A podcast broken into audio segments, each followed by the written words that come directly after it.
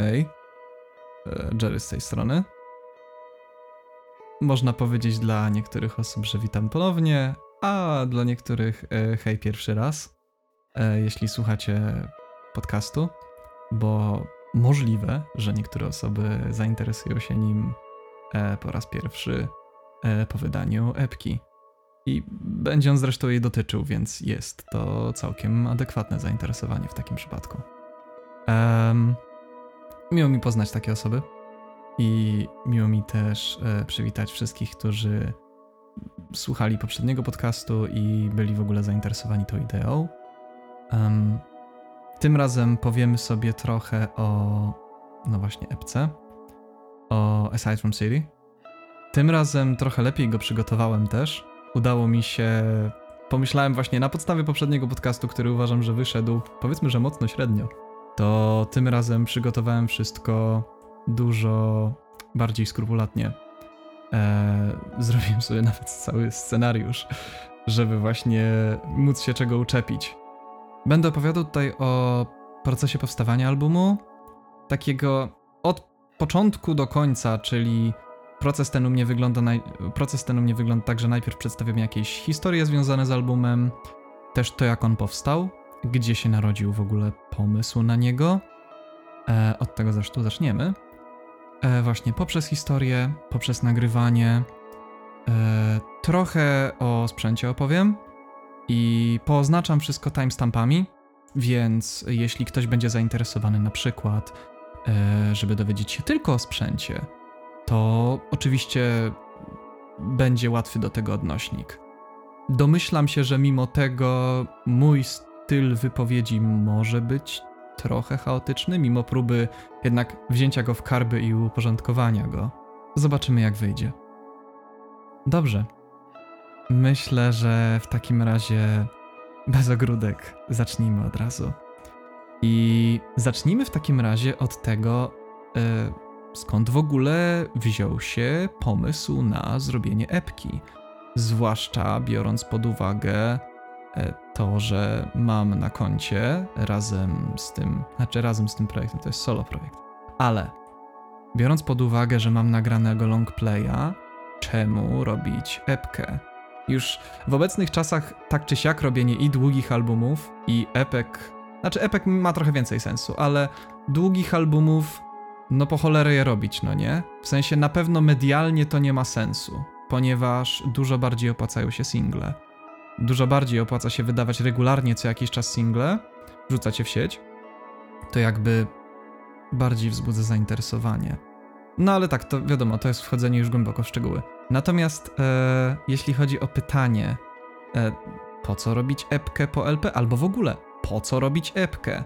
I można zadawać takie pytanie wielu muzykom właśnie, o zrobiłeś to, dlaczego, z... znaczy no wiadomo, to w pewnym momencie idzie już w taką dziwną filozofię, że zrobiłeś to, to czemu robisz po tym coś takiego? No i najprostszą odpowiedzią pewnie byłoby, o, bo miałem na to kaprys. W moim przypadku wyglądało to mniej więcej tak. I tutaj znowu wracamy do tego, o czym trochę mówiłem w poprzednim podcaście, ale wiem, że ciężko będzie do niego wrócić i ciężko będzie się przez niego przebić, mimo że tam zrobiłem sporo tych timestampów. Próbowałem to uporządkować, nie wyszło za dobrze. Ale dobrze. Dla tych, którzy nie słuchali i nie chcą słuchać, przytoczę tutaj znowu, że zanim e, istniało Eternum, to graliśmy jako Commandos i w pewnym momencie też zanim to był solo projekt, a jednocześnie było to już do pewnego stopnia Eternum, jak działaliśmy pod tą nazwą, to grałem jeszcze z innymi ludźmi. Um, I w tym przypadku e, narodziny jakby właśnie tego pomysłu. To brzmi trochę pompatycznie, za co przepraszam. Pomysł pojawił się na, kiedy zaczęliśmy jakby myśleć pod takim kątem medialnym o tym zespole. Mieliśmy wtedy wszyscy trochę takie, tak mi się wydaje, parci na szkło, żeby to gdzieś się wybiło.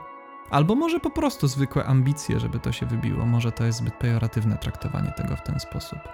W każdym razie, mieliśmy ambicje, żeby to gdzieś wybiło się medialnie. I przygotowywaliśmy pierwszą płytę i zastanawialiśmy się nad tym, co dalej. Pierwsza płyta była wtedy w czasie nagrań. To był rok jeśli się nie mylę, to była końcówka roku 2018, gdzieś koło 2019, gdzieś w, tych, e, w tym czasie.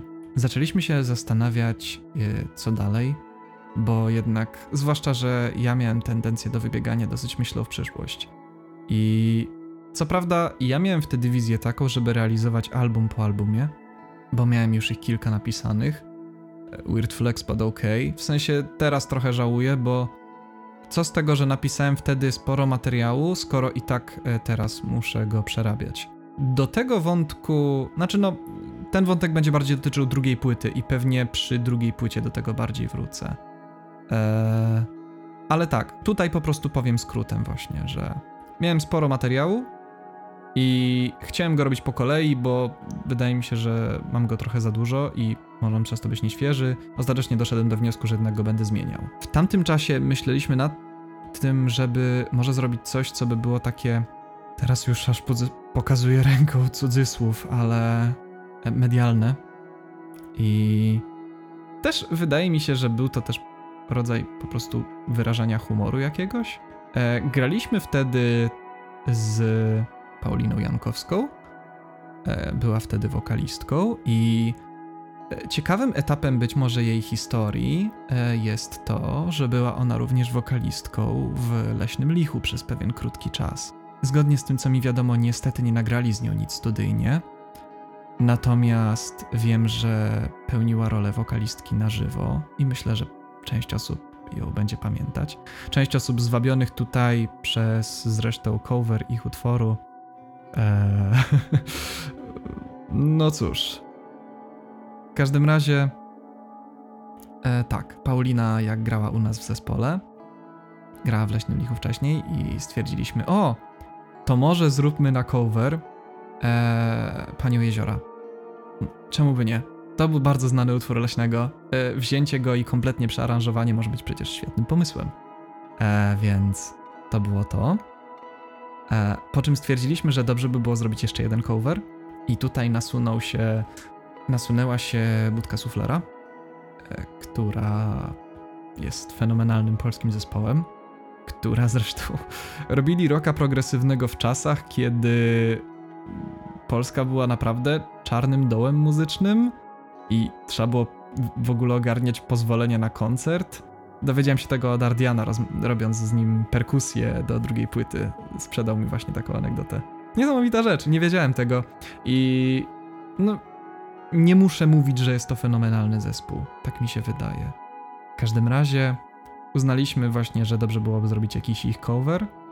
I nie wiem, czy to dlatego, że Kredek bardzo lubi ten utwór, e, czy dlatego, że Balcer to zasugerował. Nie pamiętam szczerze, ale właśnie któryś z nich zasugerował e, utwór Jest taki samotny dom.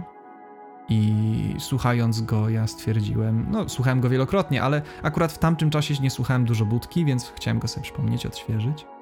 I miałem takie, wow, to jest naprawdę dobry riff po prostu, żeby go przerobić na metal. W sensie tu naprawdę, mimo że ja raczej lubię robić coś takiego, co się nazywa major interpretation, jak robię covery, czyli raczej staram się zmienić znacząco strukturę utworu. Znaczy, może nie strukturę, ale motywy niektóre. Niektóre części utworu staram się bardzo przearanżować.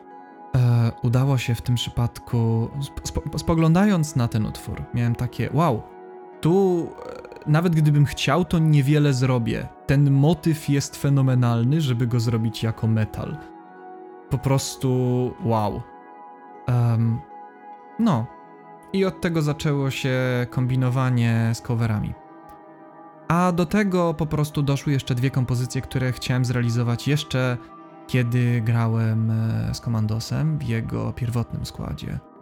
Czyli z Piotrkiem, Konradem, e, Wachem, no, Bobrem w tym przypadku jeszcze.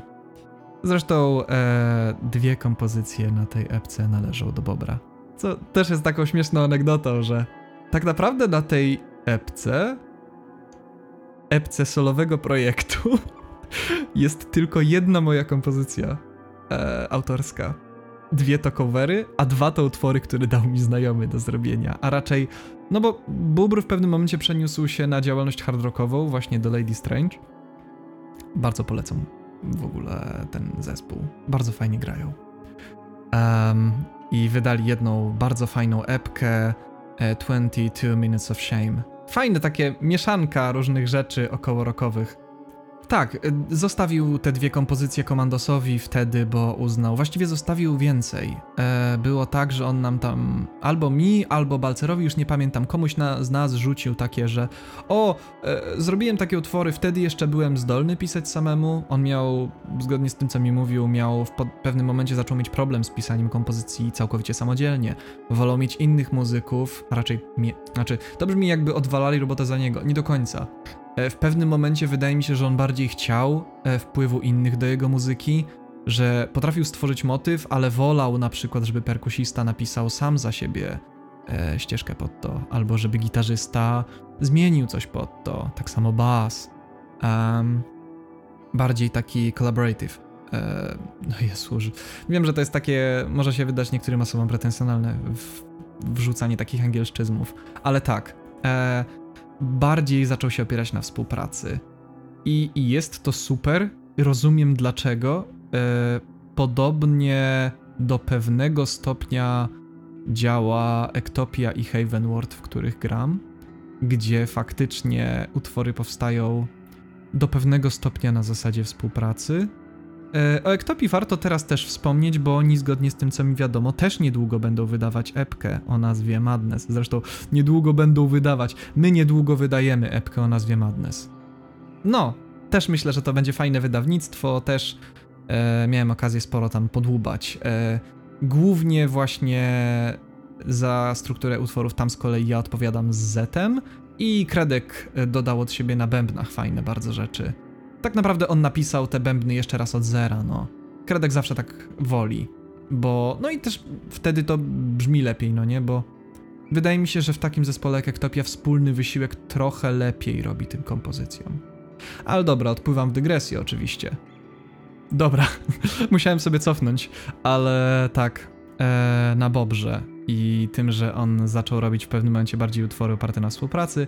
Te trzy konkretne niewiele w nich trzeba było zmienić. E, symfonia już wyszła i bardzo zachęcam się zapoznać. Świetny utwór.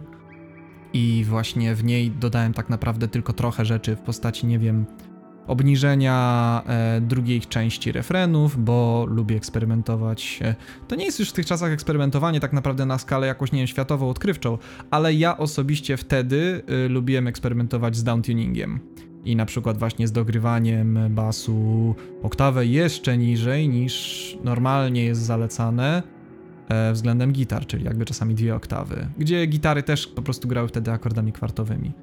Nieważne. w każdym razie e, Bubr wysłał nam te kilka kompozycji, z czego właśnie myślę, że te trzy. E, wtedy graliśmy jeszcze jedną. Pewnie na YouTubie można nawet znaleźć z niej materiały. I nawet rozważałem, czy jej nie zrobić, ale chyba nie będzie już pasowała do tego, co ja chcę robić w tym zespole. Nazywała się Daydreamer. E, niektóre osoby mogą ją pamiętać. Jakieś pojedyncze jakimś cudem, które pamiętają Komandosa, rzecz jasna. Wybrałem z tego właśnie trzy utwory. Symphony of the Night oczywiście jest świetne i nie trzeba było się wiele zastanawiać. E, oraz jeszcze do tego właśnie doszły, doszedł Heart of Steel i Lost in the Past. I o Loście będzie trochę więcej powiedziane, myślę, że pod koniec podcastu. A tak to oczywiście jest jeszcze Afterfall.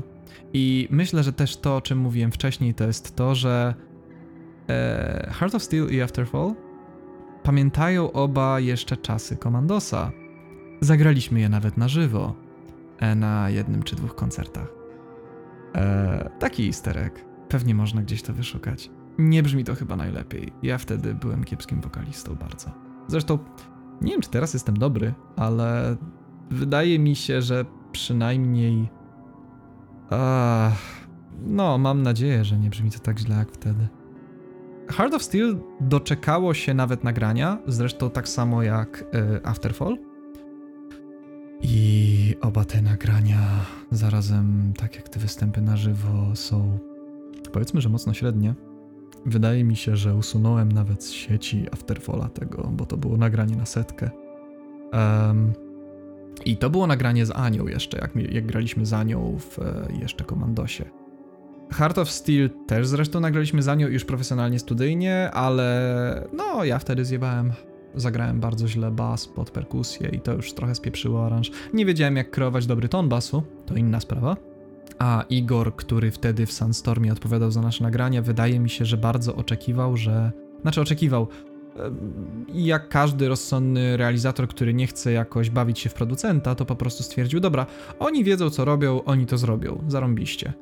Eee, no, nie pykło. To mało powiedziane. W każdym razie, na podstawie tych rzeczy uznałem, kurde, Heart of Steel nie dość, że nie jest moje, no bo Afterfall to ok, jeszcze mój i jakby w teorii mógłbym go przez to olać, no bo nie ma co się tak przywiązywać do własnej twórczości chyba. Uznałem, że dobrze byłoby zrobić te utwory do dobrze, jakkolwiek to brzmi repetitive, powtarzalnie. Ale tak, uznałem, że dobrze byłoby te utwory odświeżyć, nadać im trochę lepszego, że tak powiem, brzmienia, żeby jak już one mają się pojawić na świecie i mają być wydane, to niech one chociaż będą zrobione serio fajnie. Niech one będą takie, że e, randomowy człowiek tego posłucha, jakiś anon w stylu właśnie ja, no name musician, to że inny gościu albo muzyk, albo zwykły jakiś po prostu fan muzyki metalowej posłucha tego i będzie miał takie to brzmi okej. Okay e, nie jest może jakieś, nie wiem, niesamowicie fenomenalne, bo nie wiem, czy ja jestem zdolny robić fenomenalne rzeczy, E, chociaż Konrad zrobił świetną robotę z miksem. E, ale tak, chciałem, żeby to po prostu było takie, to, to jest okej. Okay. I żeby można było tak powiedzieć. Niestety wykonanie z Anią e, i nie jest to moim zdaniem tak naprawdę wina Ani w tym przypadku. E, wykonanie z Anią nie jest ok. I jest mu daleko od bycia ok. Właśnie, więc e, podsumowując, epka wydawała się fajnym pomysłem, jako krótsze wydanie po płycie. Taki trochę oddech i trochę łatwiej byłoby to zrobić. Um, I chciałem zrobić dobrze Heart of Steel i Afterfalla. No i na sam koniec e, chcieliśmy mieć wtedy utwory, które mogłyby być viralowe, wiralowe. E, zyskać szerszy odbiór, e, szersze grono odbiorców. E, czy to zrobił teraz? Nie wiem. w sensie, jest rok 2021. Leśny Licho grało dawno temu, chyba dalej gra, ale. Znaczy, no wiadomo, teraz to w ogóle ciężko powiedzieć, co nazywa się graniem. Graniem nazywa się to, że się wrzuca na Spotify, no bo na żywo nikt nie gra. Um, ale tak. E, wydaje mi się, że. Znaczy, nie wiem, czy ja jestem dobry do oceny od tego. Nie robiłem researchu na ten temat. Natomiast wydaje mi się, że Leśne Licho nie jest jakieś bardzo popularne, nie? Teraz. Na pewno ma dalej fanbase, no bo zdobyło sporą popularność w swoim czasie. Ale no nie wiem, jakbym te. Wydaje mi się, że teraz wrzucanie takich coverów, zarazem budki jak i tego będzie takim. A fajnie, te zespoły istniały. I chyba niewiele poza tym. Dobrze. Wydaje mi się w takim razie, że możemy przejść do kolejnego jakby rozdziału, e, bo wydaje mi się, że wyjaśniłem wystarczająco skąd pomysł. Więc teraz przejdźmy do kolejnej rzeczy. E, mianowicie, żeby nagrać epkę, trzeba było mieć skład. A tak naprawdę, kiedy skończyliśmy nagrywanie pierwszej płyty, o czym wspominałem w poprzednim podcaście, um, zaczął, rozpadł mi się ten skład, w tym sensie też ja tam mówiłem o tym, że miałem trochę już dosyć e, działania tego zespołu na tej zasadzie, na której był. E, miałem dosyć, e, czy to właśnie problemu, że muszę się użerać e, z temperamentnymi dosyć dwoma os osobistościami w tym zespole, które moim zdaniem jednocześnie nie wykonywały najlepiej swojej roli. W sensie, mieliśmy taki podział, że ja się zajmowałem kompozycjami, a na przykład e, Ktoś zajmował się social mediami, ktoś zajmował się organizacją koncertów. Powiedzmy, że nie wyszło to najlepiej ostatecznie. I moje zmęczenie materiału już właśnie wtedy sprawiło, że miałem takie dobra. E, trzeba to zmienić, trzeba to załatwić jako solo projekt. I wtedy właśnie spotkaliśmy się, pamiętam. Wcześniej pogadałem z Pauliną i ona odeszła z zespołu. Miała założyć swój własny zespół. E, teraz, zgodnie z tym, co z nią nawet rozmawiałem jakiś czas temu, to mówiła mi, że jak jeszcze można było grać przed lockdownem, to udzielała się w jakiejś kapeli bluesowej, takiej grającej bardziej na żywo niż studyjnie. Spoko sprawa. W sumie szanuję, bo to idealnie do niej pasuje. W sensie, wydaje mi się, że ona nie jest osobą, która jest jakoś przywiązana do takiego, takiej nerdozy po prostu, z którą jest związana z praca w studiu. Tak mi się wydaje, że jednak o ile wiem, że wielu muzyków kompletnie to nie dotyczy i oni po prostu przychodzą do studia, get the job done, elo, wychodzą, płyta zrobiona. Ale wiem też z mojego otoczenia, że raczej e, jest to taka. Wszyscy są raczej nerdami sprzętowymi, którzy się zajmują tak serio bardziej nagrywaniem studyjnie. Zwłaszcza, że chodzi o to, żeby e, nie płacić za studio, nie płacić za, za dużo za realizatora, który ci nagrywa, tylko nagrywać się samemu. Są takie możliwości teraz, jeśli chodzi o to, że szkoda z nich nie korzystać. W każdym razie tak. E, wracając. E, zespół się rozpadł. Zostałem ja, Balcer i Kredek. I. No, dosłownie pamiętam, że jak tylko wyszliśmy z salki po rozmowie jeszcze z Sebą, e, to właśnie już powiedziałem chłopakom, dobra, e, za tydzień się widzimy i po prostu robimy ten materiał zepki. E, I kontynuujemy po prostu dalej plan, bo mm, osobiście jestem bardzo przywiązany do tego, żeby e, mieć ciągłość pracy. Brzmi to jak takie korpo niemalże, ale ja trochę to lubię. Ja trochę to lubię, kiedy w zespole jest takie coś, że jest taka, jest ta dyscyplina i jest takie poczucie, że okej, okay, zespół nie ma zastoju. Cały czas jest coś do zrobienia, cały czas e, coś się dzieje. E, w, zwłaszcza, że wiele rzeczy można robić symultanicznie. Przykładowo zresztą ja teraz właśnie siedząc nad e, wydawaniem epki, tak, znaczy, e, to może zdradzać, że nagrywam ten podcast jeszcze zanim ją wydałem, ale tak, e, nagrywam to jeszcze kilka dni przed pewnie nawet wydaniem pierwszego singla. W każdym razie, kiedy teraz wydaję epkę i szykuję różne rzeczy medialne z tym związane, chociaż nie nazywałbym tego jakimś super przedsięwzięciem medialnym, ja nie nastawiam się na jakiś sukces tej muzyki, to bez sensu trochę. Natomiast, e, no, Chciałbym, żeby to się wydostało poza pewną bańkę informacyjną. To na pewno. Fajnie by było. E, bo udostępniać posty mogę, produkować muzykę mogę i nawet o ile staram się przezwyciężyć sobie pewne rzeczy, że nie zależy mi już tak bardzo na tym, żeby to było, nie wiem, odebrane i zyskało jakąś ilość ludzi, którzy podążają za tym.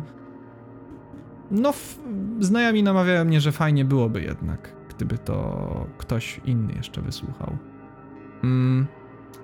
W każdym razie. E, oczywiście, znowu odpłynąłem w dygresję.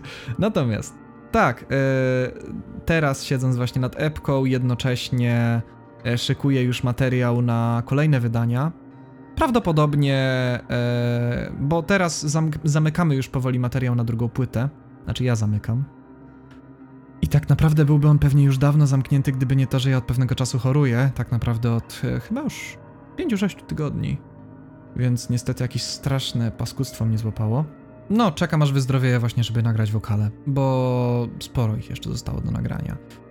No, mamy już tak naprawdę materiał na drugą płytę zrobioną, on pewnie pójdzie do miksów i w czasie, kiedy druga płyta będzie się miksować, to pierwsza, to epka będzie wydawana, a ja już będę pewnie nagrywał i robił bębny do e, trzeciej płyty, albo do epki, która będzie po drugiej płycie. Myślę, że to będzie epka.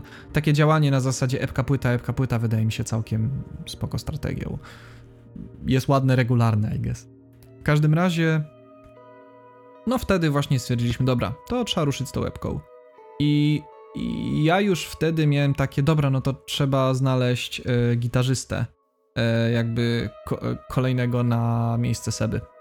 I no bo dalej wtedy bardzo mi zależało na tym, żeby robić to na zasadzie takiej, że no jednak róbmy te próby, nie? Ja lubię to, że mam co tydzień te próby. To jest takie dosyć motywujące, fajne. 2020 zmienił bardzo moje postrzeganie na ten temat, ale myślę, że nie tylko moje. wtedy to się zmieniło, natomiast to był jeszcze październik, wrzesień 2019 i wtedy mieliśmy takie, dobra, ruszmy z tym. Czy właściwie to były, tak, to był chyba wrzesień bardziej. I we wrześniu właśnie wtedy uznaliśmy, dobra, będziemy robić próby, ja ogarnę nam tego kolejnego gitarzystę. I e, jako, że tak naprawdę Balcer jeszcze chyba wtedy nie umiał Pani Jeziora e, i samotnego domu nie umiał nikt poza mną, to uznałem, dobra, e, ja się będę spotykał przez pewien czas z Kredziem samemu i ogarniemy ten materiał na tip-top i wtedy wy, gitarzyści, dołączycie i gitarzyści, bo musiałem znaleźć kolejnego, uznałem, że odezwę się do swojego dobrego przyjaciela jeszcze tak w sumie z dzieciństwa tak naprawdę. W sensie, no myślę, że już gimnazjum... Mm, gimnazjum myślę, że można teraz już traktować jak dzieciństwo z mojej perspektywy.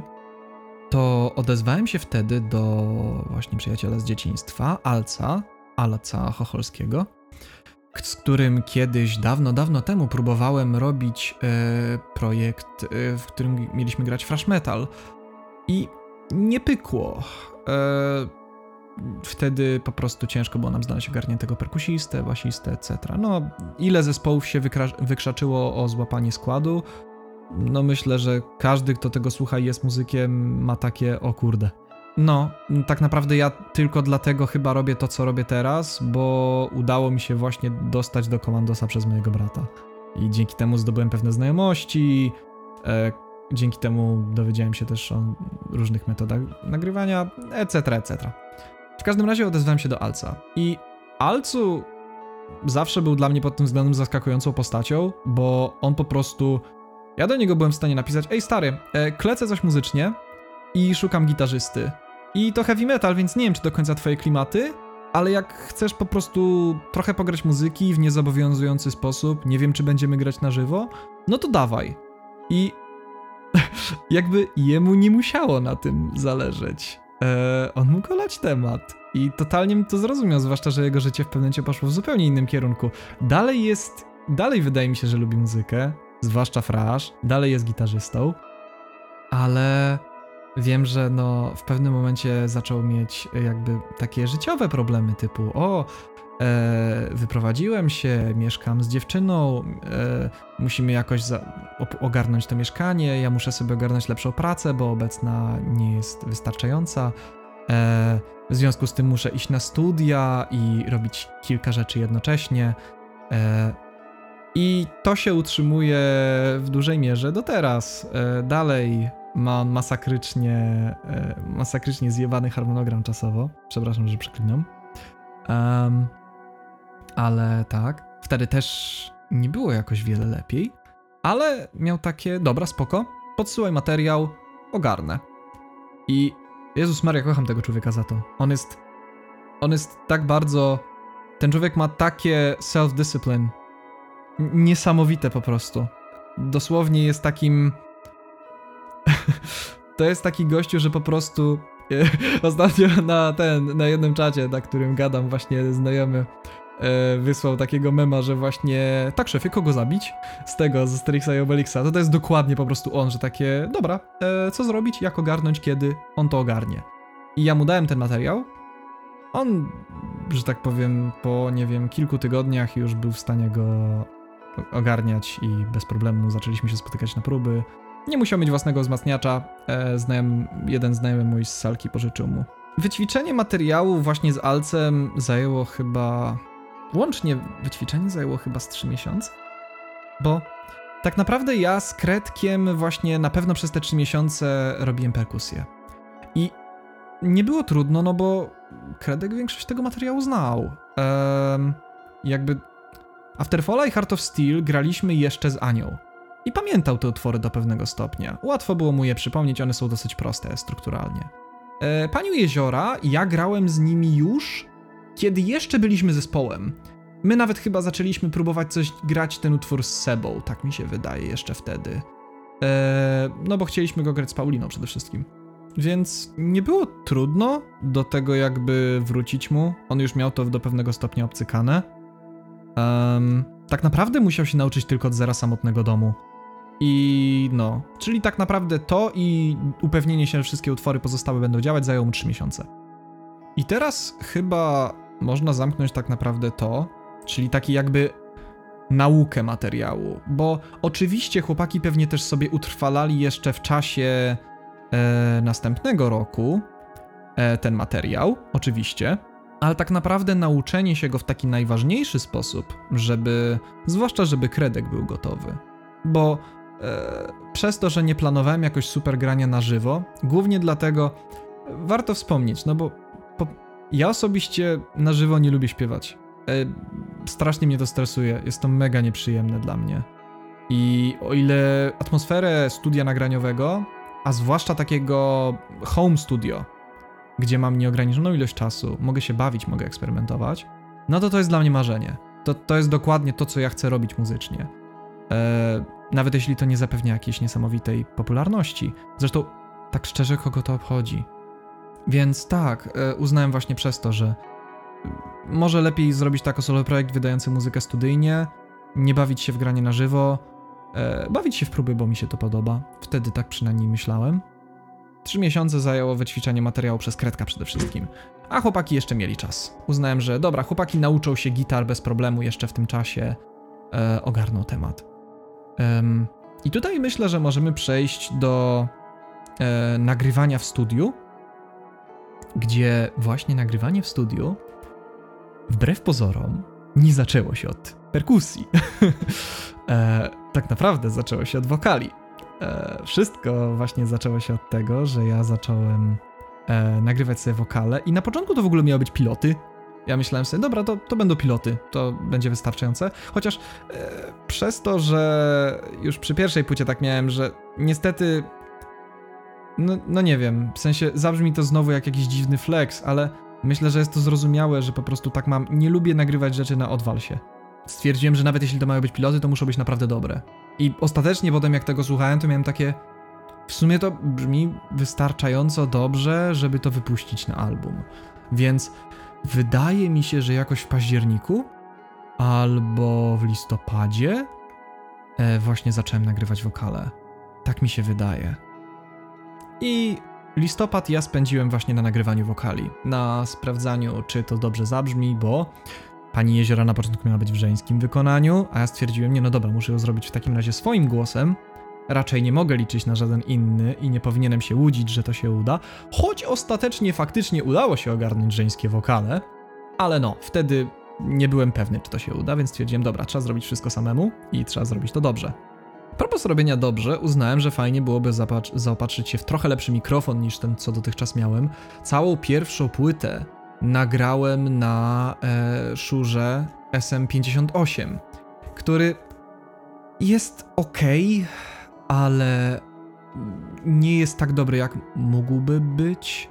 Ma na przykład strasznie wywalone sybilanty, co bardzo na tej płycie słychać. I nie ma tak fajnego low-endu, nie ma tak fajnej góry też, więc uznałem, że fajnie byłoby zaopatrzyć się w trochę lepszy mikrofon. I szczęśliwie e, pracowałem wtedy e, w ogrodach, e, w takiej, e, no powiedzmy, że dorabiałem sobie po prostu w ten sposób przez wakacje i udało mi się zaoszczędzić całkiem sporo pieniędzy, więc e, zrobiłem sobie wtedy zakupy, do których też wrócę potem propos e, bardziej sprzętu ogółem, Natomiast tutaj powiem, że po prostu właśnie zmieniłem wtedy interfejs i zmieniłem wtedy mikrofon. I zmieniłem go na mikrofon, którego używam po dziś dzień. Eee, nawet nagrywam właśnie nim teraz ten podcast. I to jest Rode NT1. Nie mylić z NT1A, który jest troszkę uboższą wersją i ma trochę głośniejszy pik częstotliwości na sybilantach, na czym mi nie zależało.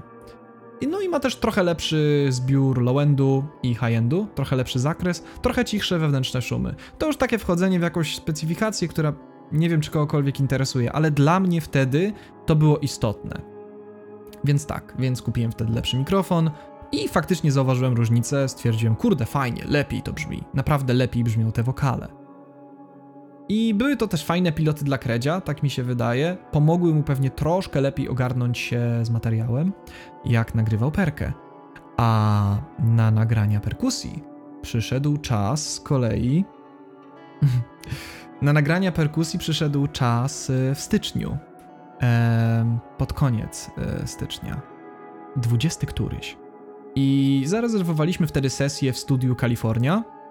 E, byłem ciekaw właśnie, bo widziałem, że to takie, o, nowe, świeże studio na podstawie Hazetu i Robert właśnie, który miksował mój materiał, był jakby powiązany z tym, więc uznałem, o, Robert robi fajne miksy, no to pewnie studio też jest fajne, można by tam zajrzeć, może będzie dobrze zrobiona robota dzięki temu i no wtedy byłem przywiązany do robienia perkusji na żywo dalej, miałem takie, o, no mamy tego kredzia w zespole, no to niech nagrywa bębny, niech pokazuje swój performance, będzie super. Em, I tak, poszliśmy z kredziem. E, tak naprawdę nie było to dla niego większym problemem e, wbić te utwory. Był już ich na tyle nauczony, że wyglądało to tak, że zarezerwowaliśmy jeden dzień na cztery utwory, na co kilku moich znajomych złapało się za głowę z takim serio? Myślisz, że to zadziała? Zresztą An Antoni Antek, e, jak to usłyszał Antoni Dmowski, realizator z Kalifornii, niesamowicie gościa polecam. Niesamowicie. Jest super. Em, I właśnie Antek e, też powiedział, cztery, dni, cztery utwory na jeden dzień, na 8 godzin, czy tam na 10. Nie wiem, czy to wystarczy, tak szczerze. No, wystarczyło. E, ja powiedziałem tylko właśnie mu, ta, zobaczysz, zobaczysz, nie ma problemu, mam całkiem niezłego perkusistę. I faktycznie to dosłownie wyglądało tak, że chyba w ogóle Heart of Steel było wbite one take, jeśli mi się dobrze wydaje. E, pozostałe utwory troszeczkę było rzeźbienia, ale też niewiele. Większość tak naprawdę jechała na raz, bezproblemowo. E, niektóre nie były wbite na raz nie z winy Kredzia, a z winy mojej. I, I ja niestety mam taką tendencję, że lubię sobie poeksperymentować nawet w studiu. I mieć takie, o, a tutaj zmień blachę na inną, tutaj zagraj inaczej, tutaj można by zrobić to w ten sposób. I troszkę to chyba nieodpowiedzialne z mojej strony było. W sensie na pewno utrudniło trochę robotę Kredkowi. Em, ale rezultat wydaje mi się, że jest super. Ostatecznie. Więc, a w teorii liczy się efekt końcowy. Więc tak, e, Kredzio poradził sobie naprawdę sprawnie i szybko. E, nagrania perki to tak naprawdę była przyjemność. E, ja zresztą bardzo lubię atmosferę studia, więc to się chyba nigdy nie zmieni. Zresztą myślę, że wielu muzyków czuje się podobnie, że zwłaszcza kiedy. Jakkolwiek to brzmi, ale tak, kiedy sam nie nagrywasz, to zwłaszcza wtedy atmosfera studia jest fenomenalna. Ponieważ e, możesz sobie właśnie pozwolić na swobodę i jakby ja jako taki nie chcę używać klisze słów, ale no człowiek, który odpowiada za kompozycję i za organizację projektu i za organizację utworów e, i ich wygląd, to ja się wtedy czuję po prostu jak w swoim żywiole, mówiąc ludziom, co mają robić, jakkolwiek to brzmi, ale tak.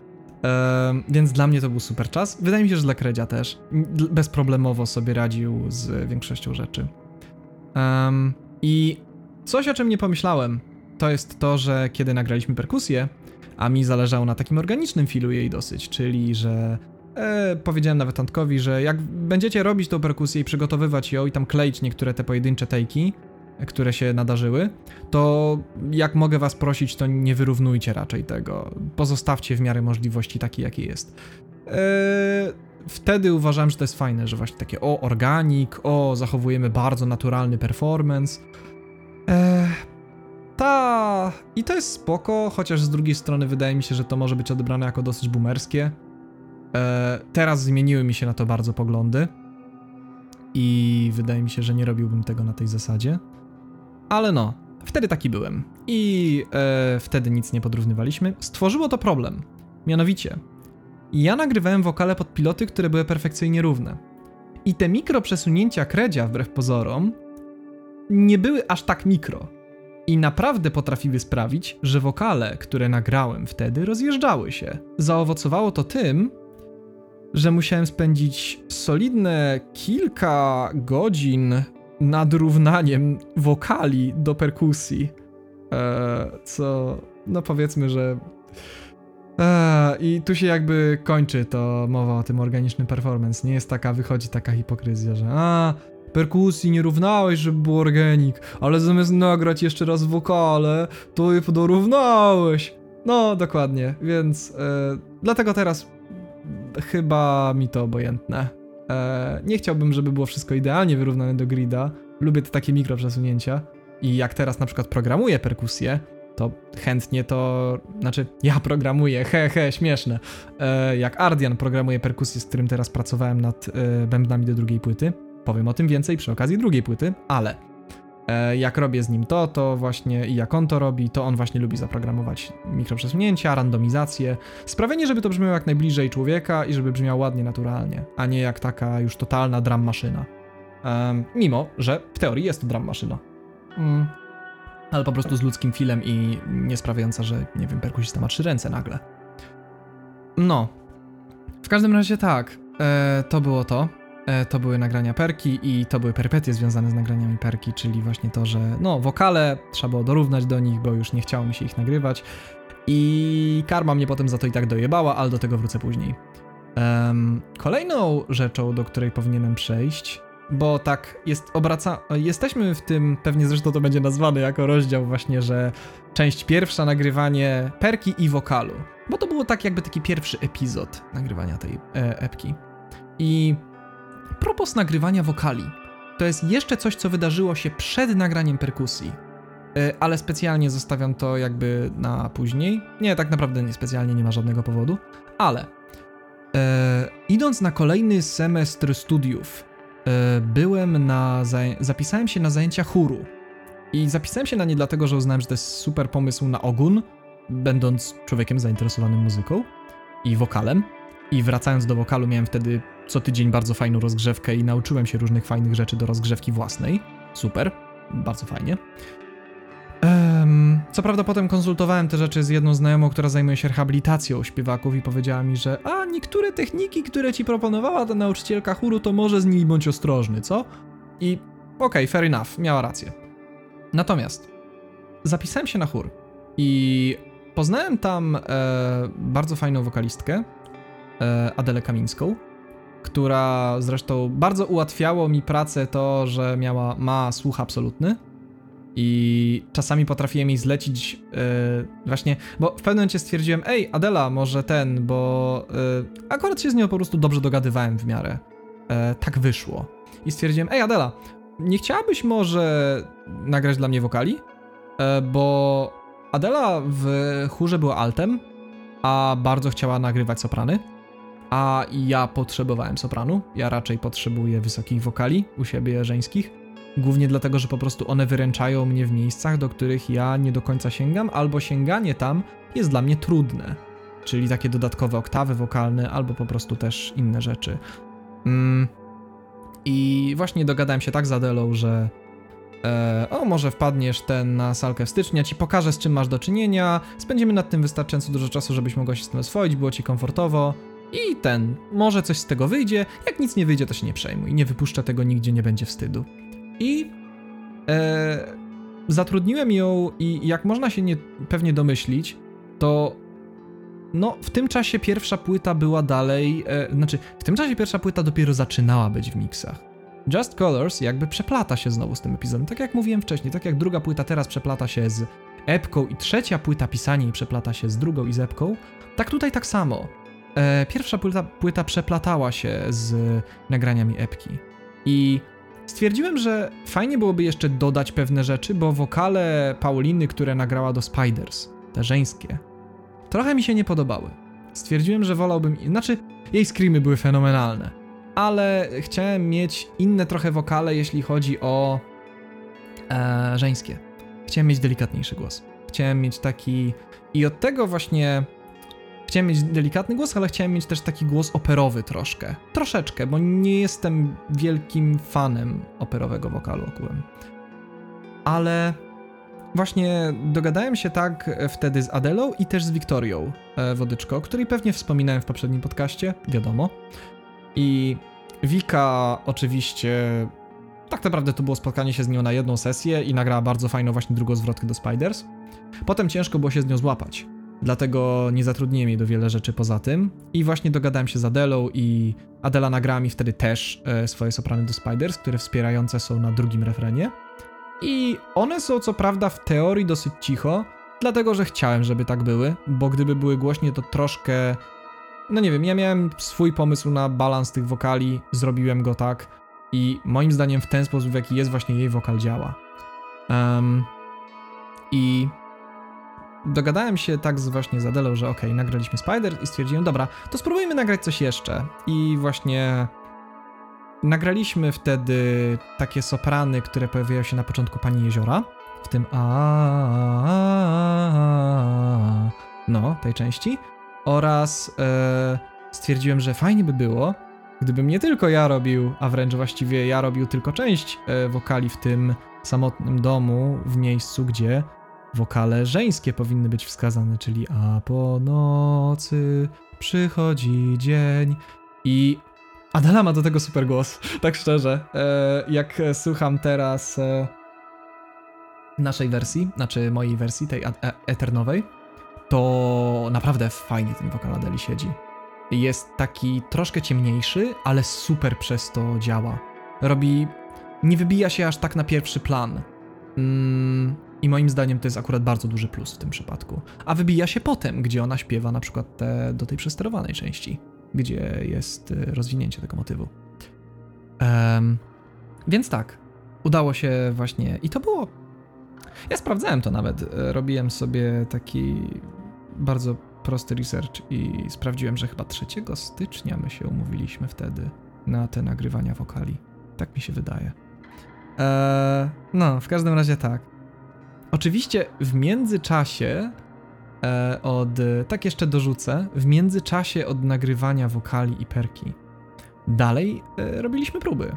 I ponieważ chciałem, żeby Alcu mógł się nauczyć materiału nie tylko z tabem, ale właśnie z żywym perkusistą bo wiem, że Alcu miał z tym kiedyś problem. E, jak grałem z nim kilka lat temu, to miał spory problem z ogarnięciem się z żywym bębniarzem. I chciałem, żeby właśnie mógł w tym nabrać doświadczenia i miał sporo czasu na próbach. Tak samo Balcer zresztą miał dzięki temu dużo czasu na nauczenie się materiału.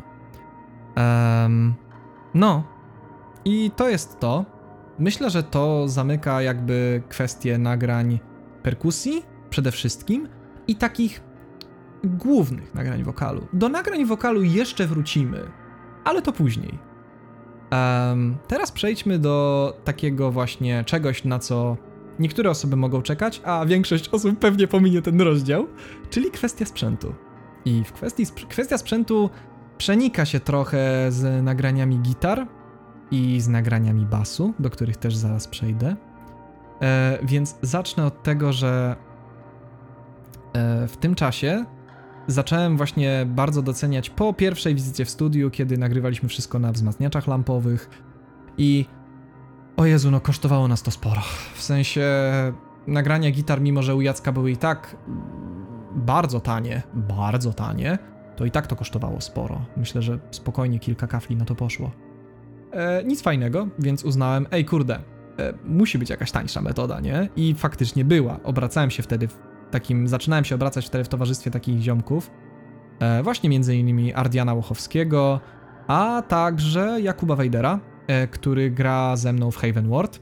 I pewnie e, gram, ja też u niego nagrywam bas w jego solowym projekcie instrumentalnym, takim progmetalem Jakubę, jak czy tam J-Cube. Do tego wrócę, bo być może nagram z nim podcast na temat jego płyty. Bardzo chętnie bym to zrobił i pewnie nawet nagrałbym go wtedy razem z nim, zamiast mnie gadającego samemu sobie do ten, do ambientu, no nie? Wiem, że na przykład Jakub jest wielkim fanem takich podcastów, gdzie dwie osoby rozmawiają, a nie e, siedzi sobie jeden Jerry i próbuje udawać, że jest dwoma osobami. Przez Jakuba i przez Ardiana ja zacząłem, oni, no Będąc szczerym, jestem im chyba naprawdę to dłużny, że wprowadzili mnie w świat e, cyfrowych wzmacniaczy, symulacji wzmacniaczy i symulacji kolumn. To jest z ich strony wow. O Jezu, to mi tak zaoszczędziło fatygi z wieloma rzeczami i nauczyło mnie tak wiele. Znaczy, no oni mnie nauczyli wiele. I właśnie Ardian mi pokazał i też e, Jakub o Neural DSP, tej firmie. I to będzie tak naprawdę główny przedmiot tego Gear Talku, e, który teraz prowadzę. Znaczy, no, bo tak, z, przechodząc właśnie, znaczy zaczyna, mów, jeszcze zanim do tego przejdę, wrócę do tego niedługo. E, szybka anegdota. mówiłem o tych zakupach, które zrobiłem sprzętowych, kiedy pracowałem w ogrodach.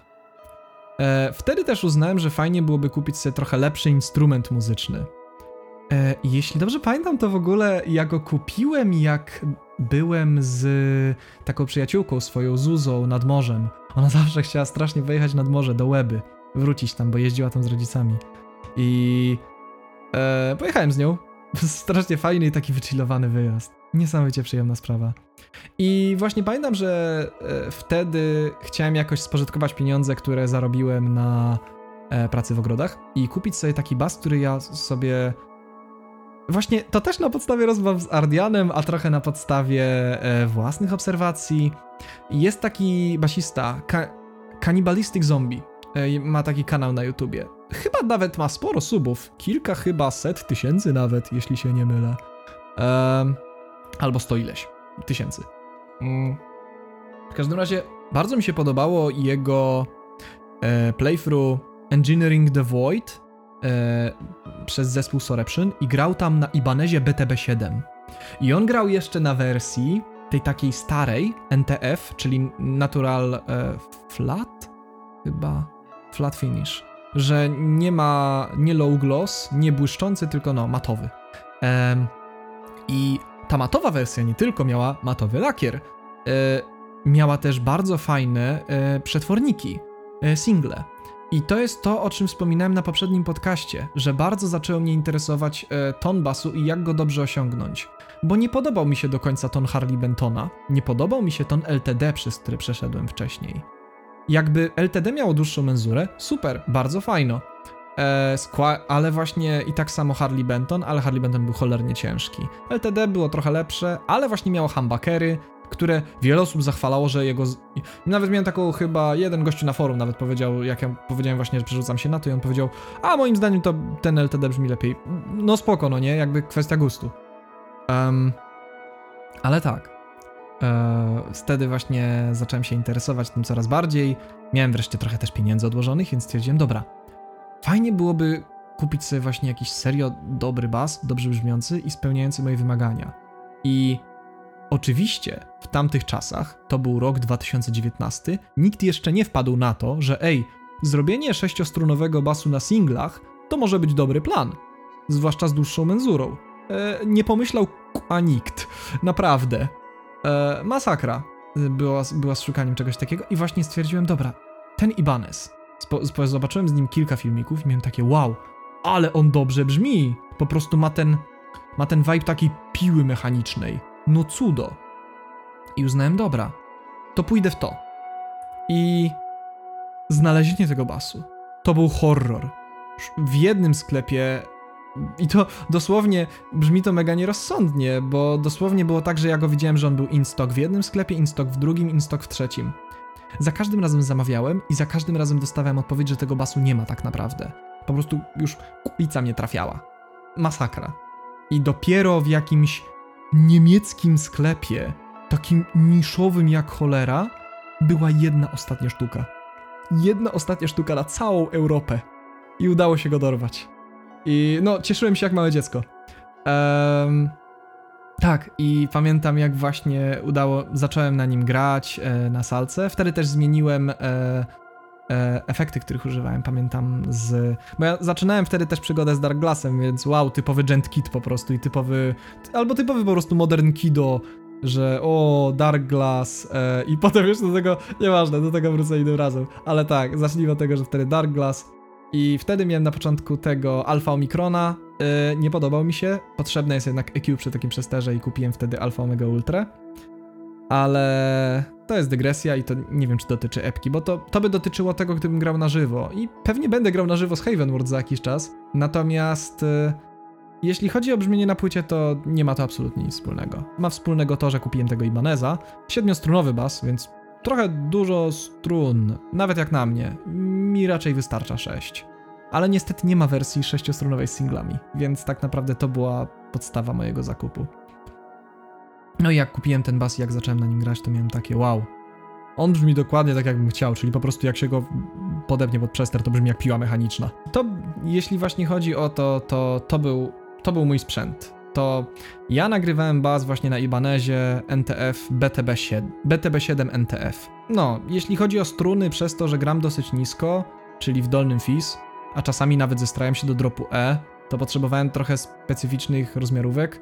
Na początku grałem na Dadario e, 160 i po prostu standardowym secie do szóstki chyba do 135.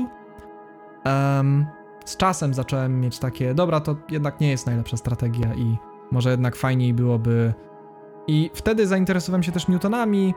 O tym opowiem też więcej przy okazji drugiej płyty. Tutaj wspomnę tylko, że kupiłem po prostu 170 Newtonów. To jest brytyjska firma i oni robią struny ręcznie. Znaczy, to jest tak manufaktura na tej zasadzie. Bardzo fajna firma, bardzo polecam. Co prawda, teraz będzie ciężko to sprowadzić, bo Brexit poszedł i cła. No, masakra. I jeśli chodzi o gitary, to e, zgodnie z tym co pamiętam, Alcu nagrywał większość rzeczy na Jacksonie e, Flying V, chociaż specjalnie ze względu chyba na mnie i no pewnie ze względu na swoje własne zainteresowania. Kupił sobie siódemkę LTD z EMG, zresztą tego, ten jego Jackson też ma EMG. E, I goddammit, Aż mi szkoda, że nie użył tego LTD. No i te EMG to też taki standard, to znowu nie brzmi odkrywczo i domyślam się, że wszyscy powiedzą takie, o ale generic. E, chyba tak, ale ja już trochę straciłem nadzieję na bycie oryginalnym jakoś bardzo. Raczej robię rzeczy, żeby zadowolić w miarę siebie e, i chłopaków, z którymi gram. Do pewnego stopnia. Więc tak, on nagrywał na Jacksonie Flying V, Ewentualnie nagrywał też na, i oczywiście znowu zapomniałem wspomnieć, przy okazji e, zakupów chyba, i to było z kolei, skaczemy tak bardzo po datach, bo na przykład Ibaneza kupiłem chyba w listopadzie albo w październiku, a e, to, co, o czym teraz mówię, czyli kupiłem potem też e, ośmiostrunową gitarę Harley Bentona, bo zaczęły mnie fascynować ósemki wtedy. Rozważałem siódemkę, ale potem stwierdziłem nie. I to dokładnie ten sam case, co miałem z tym pierwszym, pierwszym Ibanezem, o którym opowiadałem na podcaście, że jak zamierzałem sobie kupić pierwszy bas własny, bo wcześniej grałem na pożyczonej czwórce i potem od znajomego kupiłem tą czwórkę jakąś mega tanio za 400 zł, nie traktowałem tego basu nawet na poważnie. E, I kupiłem wtedy szóstkę Ibaneza. I właśnie rozważałem, bo i kupiłem szóstkę Ibaneza dlaczego? Dlaczego szóstkę? I wtedy miałem tak, że chciałem kupić sobie czwórkę na początku, po czym miałem takie. Zna... Chyba mój brat mi to nawet mówił, że piątka ci się bardziej przyda, wiesz, do grania takiego metalu, bo jednak ta struna B dolna naprawdę robi robotę. I ja wtedy miałem takie. No fajnie. I przeglądam sobie Tomana. O, przepraszam, uderzyłem mikrofon. Przeglądam sobie Tomana i patrzę. O, są basy pięcio. Są sześciostrunowe? Naprawdę coś takiego istnieje? Się zainteresowałem. I zrozumiałem, że a, to działa na zasadzie, że idzie się strunę wyżej. I w podobnym czasie chyba poznałem Beyond Creation, gdzie gościu gra na szóstce fretless w ogóle. To już kosmos dla mnie, kompletny. Ale to, co mnie jakby zainteresowało, to jest to, że e, o, sześć strun, to jaka w ogóle to jest kraina możliwości. Uznałem, że dobra, spróbujmy, raz kozić, kozicy śmierć. I z ósemką było podobnie, ale nie do końca. Też jakby strzał w nieznane, ale z drugiej strony miałem takie, ej, ósemki są super, Meshuga gra na ósemkach, a uwielbiam Meshugę. E, wiele progresywnych zespołów gra progmetalowych na ósemkach. Bardzo lubię progmetal, czemu by nie, eksperymentujmy. Um, więc kupiłem ósemkę i na niej również właśnie było nagrywane trochę partii. Będzie to słychać zresztą na epce. Ktokolwiek wysłucha to usłyszy miejscami ten po prostu Jin Jin dolny, nisko strojony. Część partii na Harley Bentonie zresztą. A, to przejdę do tego przy okazji nagrywania partii. Więc tak, to był skład gitar. Balcer oczywiście standardowo nagrywa na dinach. On ogarnął sobie chyba Razorbacka, tak się nazywa ten din. Bardzo fajny instrument i wstawił w nim jeszcze lepsze pipaki zresztą niż były, które w ogóle, jak ja w pewnym momencie, jak on nagrywał kliny u mnie, to stwierdziłem, że właśnie one brzmią, zwłaszcza na samotnym domie, pięknie pięknie to słychać. E, ja to nazywam depresja w pipakach po prostu, bo one mają tak, jak on gra te kliny, one mają tak cudownie melancholiczny ton. Jakby, nie wiem, te tercje, które on grał tam, takie tercje ma minorowe, molowe, no na moim Herli Bentonie one nie brzmią tak melancholicznie. Coś jest z jego humbuckerami. Tak, oczywiście to może być, ktoś oczywiście może powiedzieć, to jest jakieś totalne autos, to jest człowiek pierwszy od rzeczy, to jest jakaś autosugestia, to jest jakieś foliarstwo.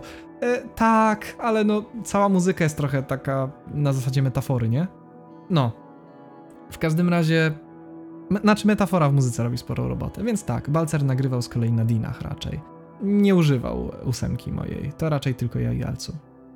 Um, więc to jest to. I teraz wracamy do tego tematu, który wtedy zacząłem. Neural DSP. Świetna firma, bardzo polecam. I właśnie wtedy zacząłem rozważać yy, przez kilka powodów.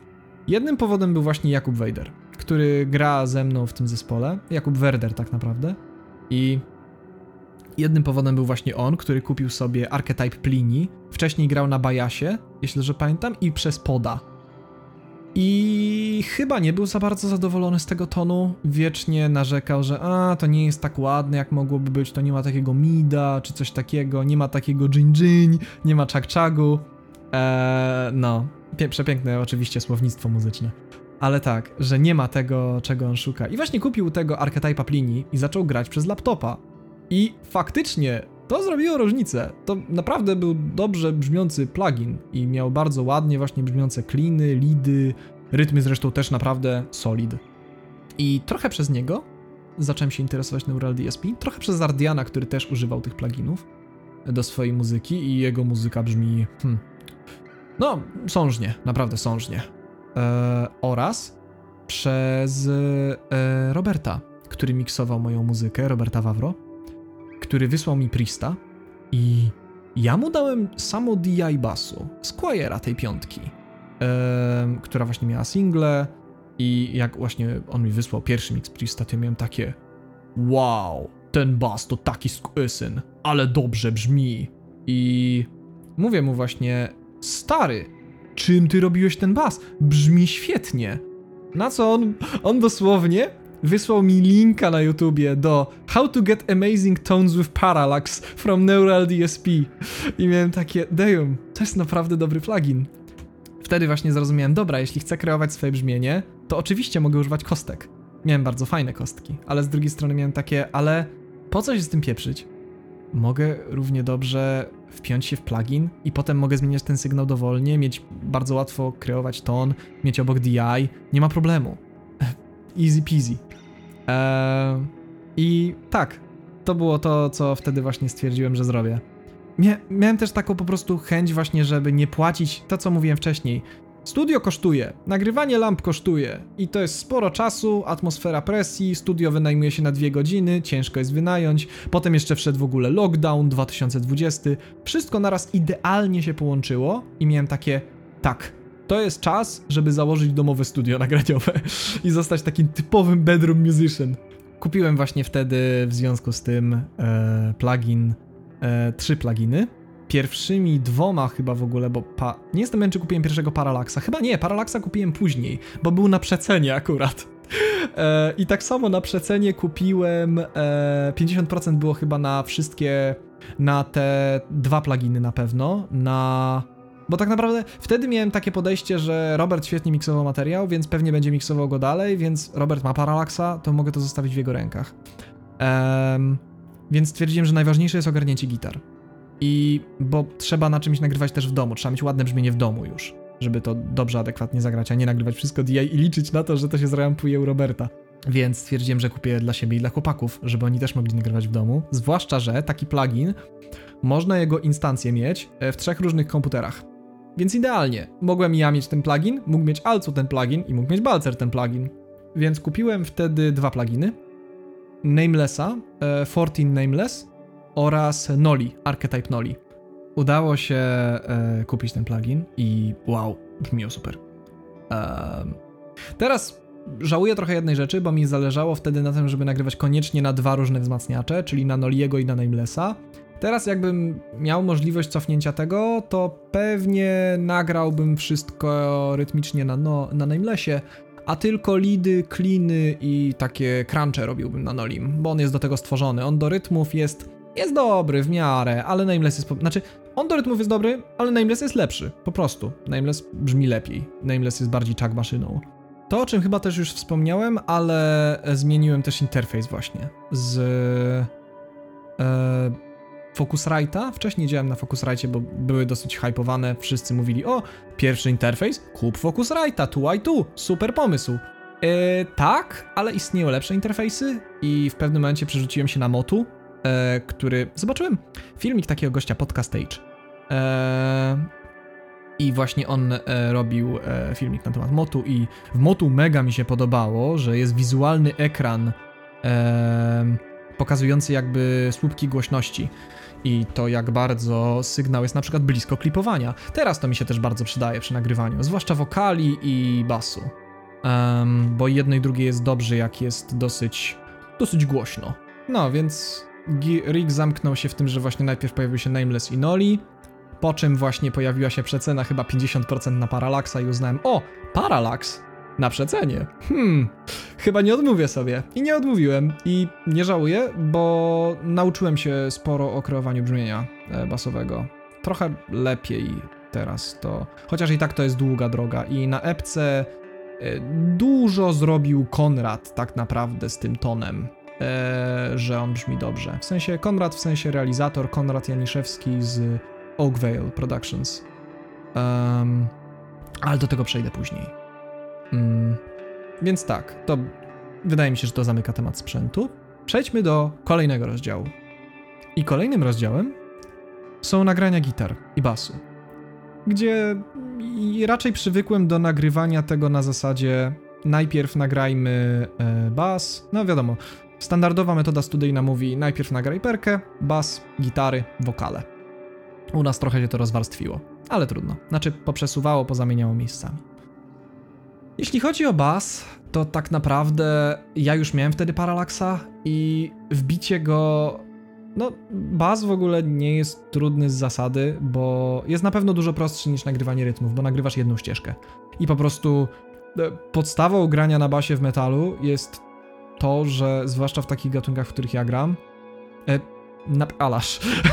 nie ma dużej filozofii, po prostu grasz bardzo mocno.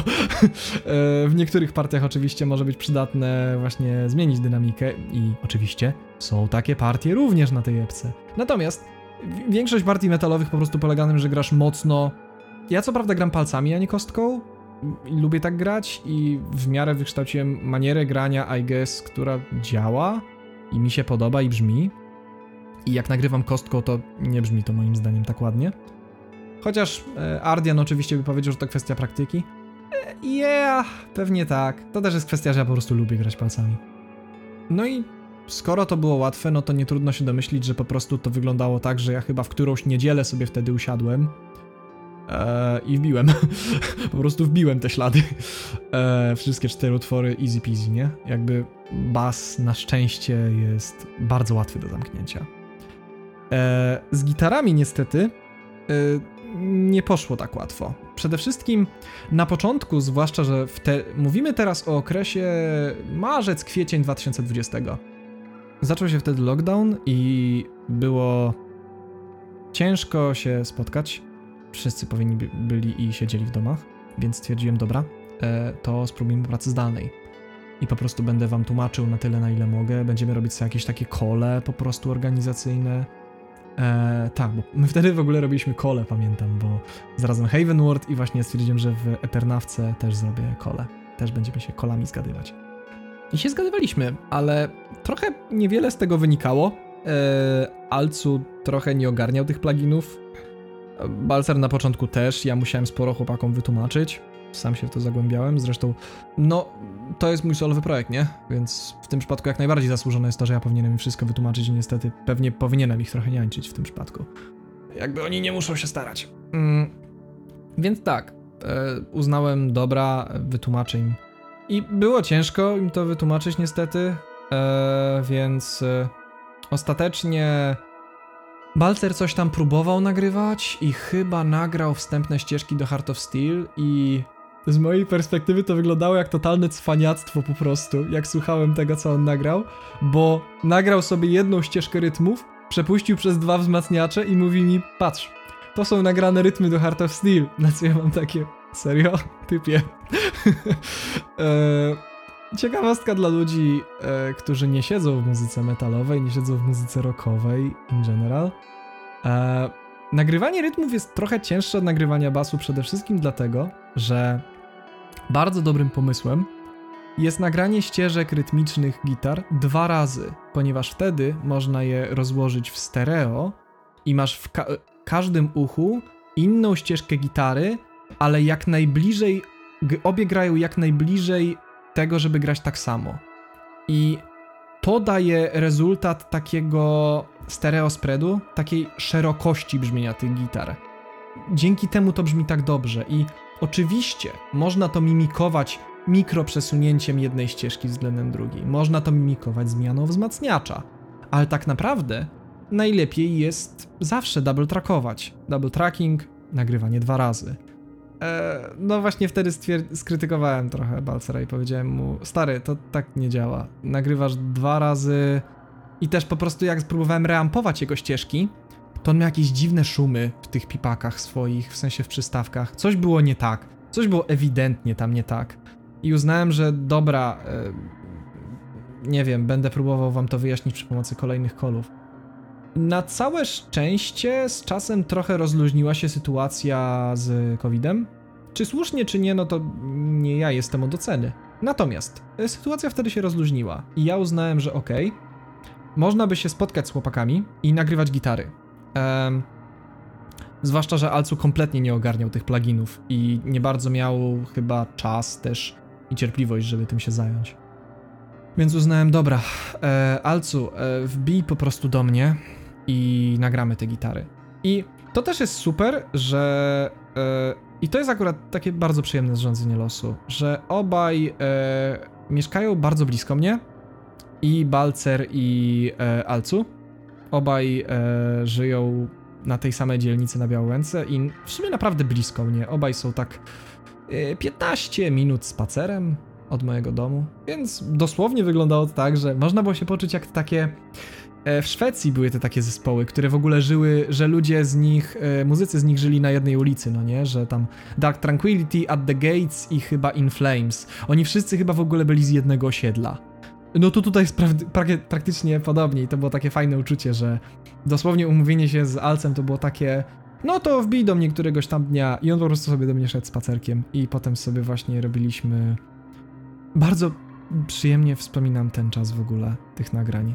Niesamowicie przyjemny czas, że właśnie nagrywaliśmy gitary z Alcem i potem e, ja go odprowadzałem do domu, szedłem sobie po prostu na spacer, bo wtedy niestety miałem robotę, no do dzisiaj mam taką robotę, że raczej siedzę przed biurkiem i nie mam chyba dużo ruchu z tego powodu i staram się to nadro- starałem się to wtedy nadrobić właśnie, że jak mogłem to, no bo z Alcem z kolei też nagrywając też po prostu siedziałem, więc e, to była opcja, żeby się po prostu przejść, pogadać, Zwłaszcza, że no jakby my nie mieliśmy dużo okazji, żeby po prostu pogadać jako znajomi, jako przyjaciele. Em, teraz też zresztą jest z tym ciężko. No ale to z, z innych powodów. I dosyć oczywistych. Em, w każdym razie tak, było takie fajne uczucie, taki osiedlowy vibe. Vibe osiedlowego zespołu. Em, takiego wręcz typowo garażowego. Tylko bardziej nowoczesnej odsłonie, no nie? Jeśli chodzi o nagrania, to tak naprawdę e, właśnie przez to, że nie byłem pewny też co do Balcera, wydawało mi się wtedy, że jego ręka zrobiła się trochę taka sloppy a, do rytmów. To uznałem, dobra, Alcu, słuchaj, to my po prostu nagramy wszystko razem. Wszystkie rytmy i zostawimy Alco, Balcerowi lidy e, i kliny i takie rzeczy, a ja z tobą po prostu nagram wszystko to, co mam z tobą nagrać. I e, skończyło się tak, że no tak, e, Alcu nagrał wszystkie rytmy, w sensie poza jednym utworem. E, do do Losta nagrał wszystko Balcer, wszystkie gitary. Natomiast do właśnie pozostałych wszystkie rytmy e, nagrywał Alcu i ewentualnie ja. E, ja też właśnie zacząłem się w pewnym momencie, przez to, że zacząłem się też uczyć trochę samemu grać na gitarze, żeby lepiej zrozumieć, z czym gitarzyści mają do czynienia, żeby nie mieć na przykład takich sytuacji, jakie miałem ze Stachem, że mówiłem mu porady, które nie były za bardzo praktyczne i nie miały uzasadnienia. Chciałem nabrać trochę kompetencji w gitarze, żeby móc łatwiej się porozumieć z gitarzystami, mieć z nimi bardziej wspólny język. Sprawiło to, że właśnie w pewnym momencie, jak wpadałem na niektóre partie, to niektóre mówiłem, dobra, Alcu, pokażę ci mniej więcej jak to zagrać, bo ja nie dam rady tego zagrać, ale niektóre partie były na tyle proste, że wbiłem je sam. Eee, tam, zwłaszcza takie te ósemkowe, bardzo niskie partie, bo one nie są trudne. Większość takich, wbrew pozorom, takich niskich dżentowych zagrywek u nas, albo takich ciężej gruwiastych, to e, to dałem radę wbić. Niektóre są sloppy, w sensie w Heart of Steel to chyba słychać na tej takiej części tej takiej breakdownowej e, po drugiej zwrotce. Druga część jakby drugiej zwrotki, tam są te siódemki nagrywane przeze mnie i a mm, trochę są sloppy. Co prawda Konrad chyba trochę wyrównał, tak mi się wydaje, ale no są trochę sloppy. W każdym razie tak, nagrywałem ja z Alcem i to był cudowny czas, w sensie super się nagrywało z nim i e, świetna atmosfera też była, bo ja bardzo lubię tą atmosferę takiego creative flow, że, że nagrywanie gitar to jest nie tylko nagrywanie już zaplanowanych ścieżek, ale jest właśnie taki element trochę zaskoczenia dla nas obojga, że ja wpadnę na jakąś partię, Alcu wpadnie na jakąś partię, zastąpimy coś czymś innym, dogramy coś jeszcze. E, I powstawało sporo takich pomysłów, sporo drobnych rzeczy, które naprawdę fajnie zmieniły te utwory. Zresztą pod niektóre partie ósemkowe ja musiałem potem jeszcze raz nagrywać bas e, w oktawie niżej od ósemki. E, przydało się wreszcie mieć ten bas bardzo nisko strojony przynajmniej. Bardzo przyjemnie wspominam ten okres nagrywań. Też to było w lato, w wakacje. Co prawda, no ja wtedy pracowałem regularnie, bo już no wakacje trochę i no, wiadomo, to nie muszę tego mówić ludziom w moim wieku, że wakacje w wieku takim częściowo dorosłym troszkę już nie istnieją. Ale zwłaszcza w czasach wirusa i pandemii, no to w ogóle to horror.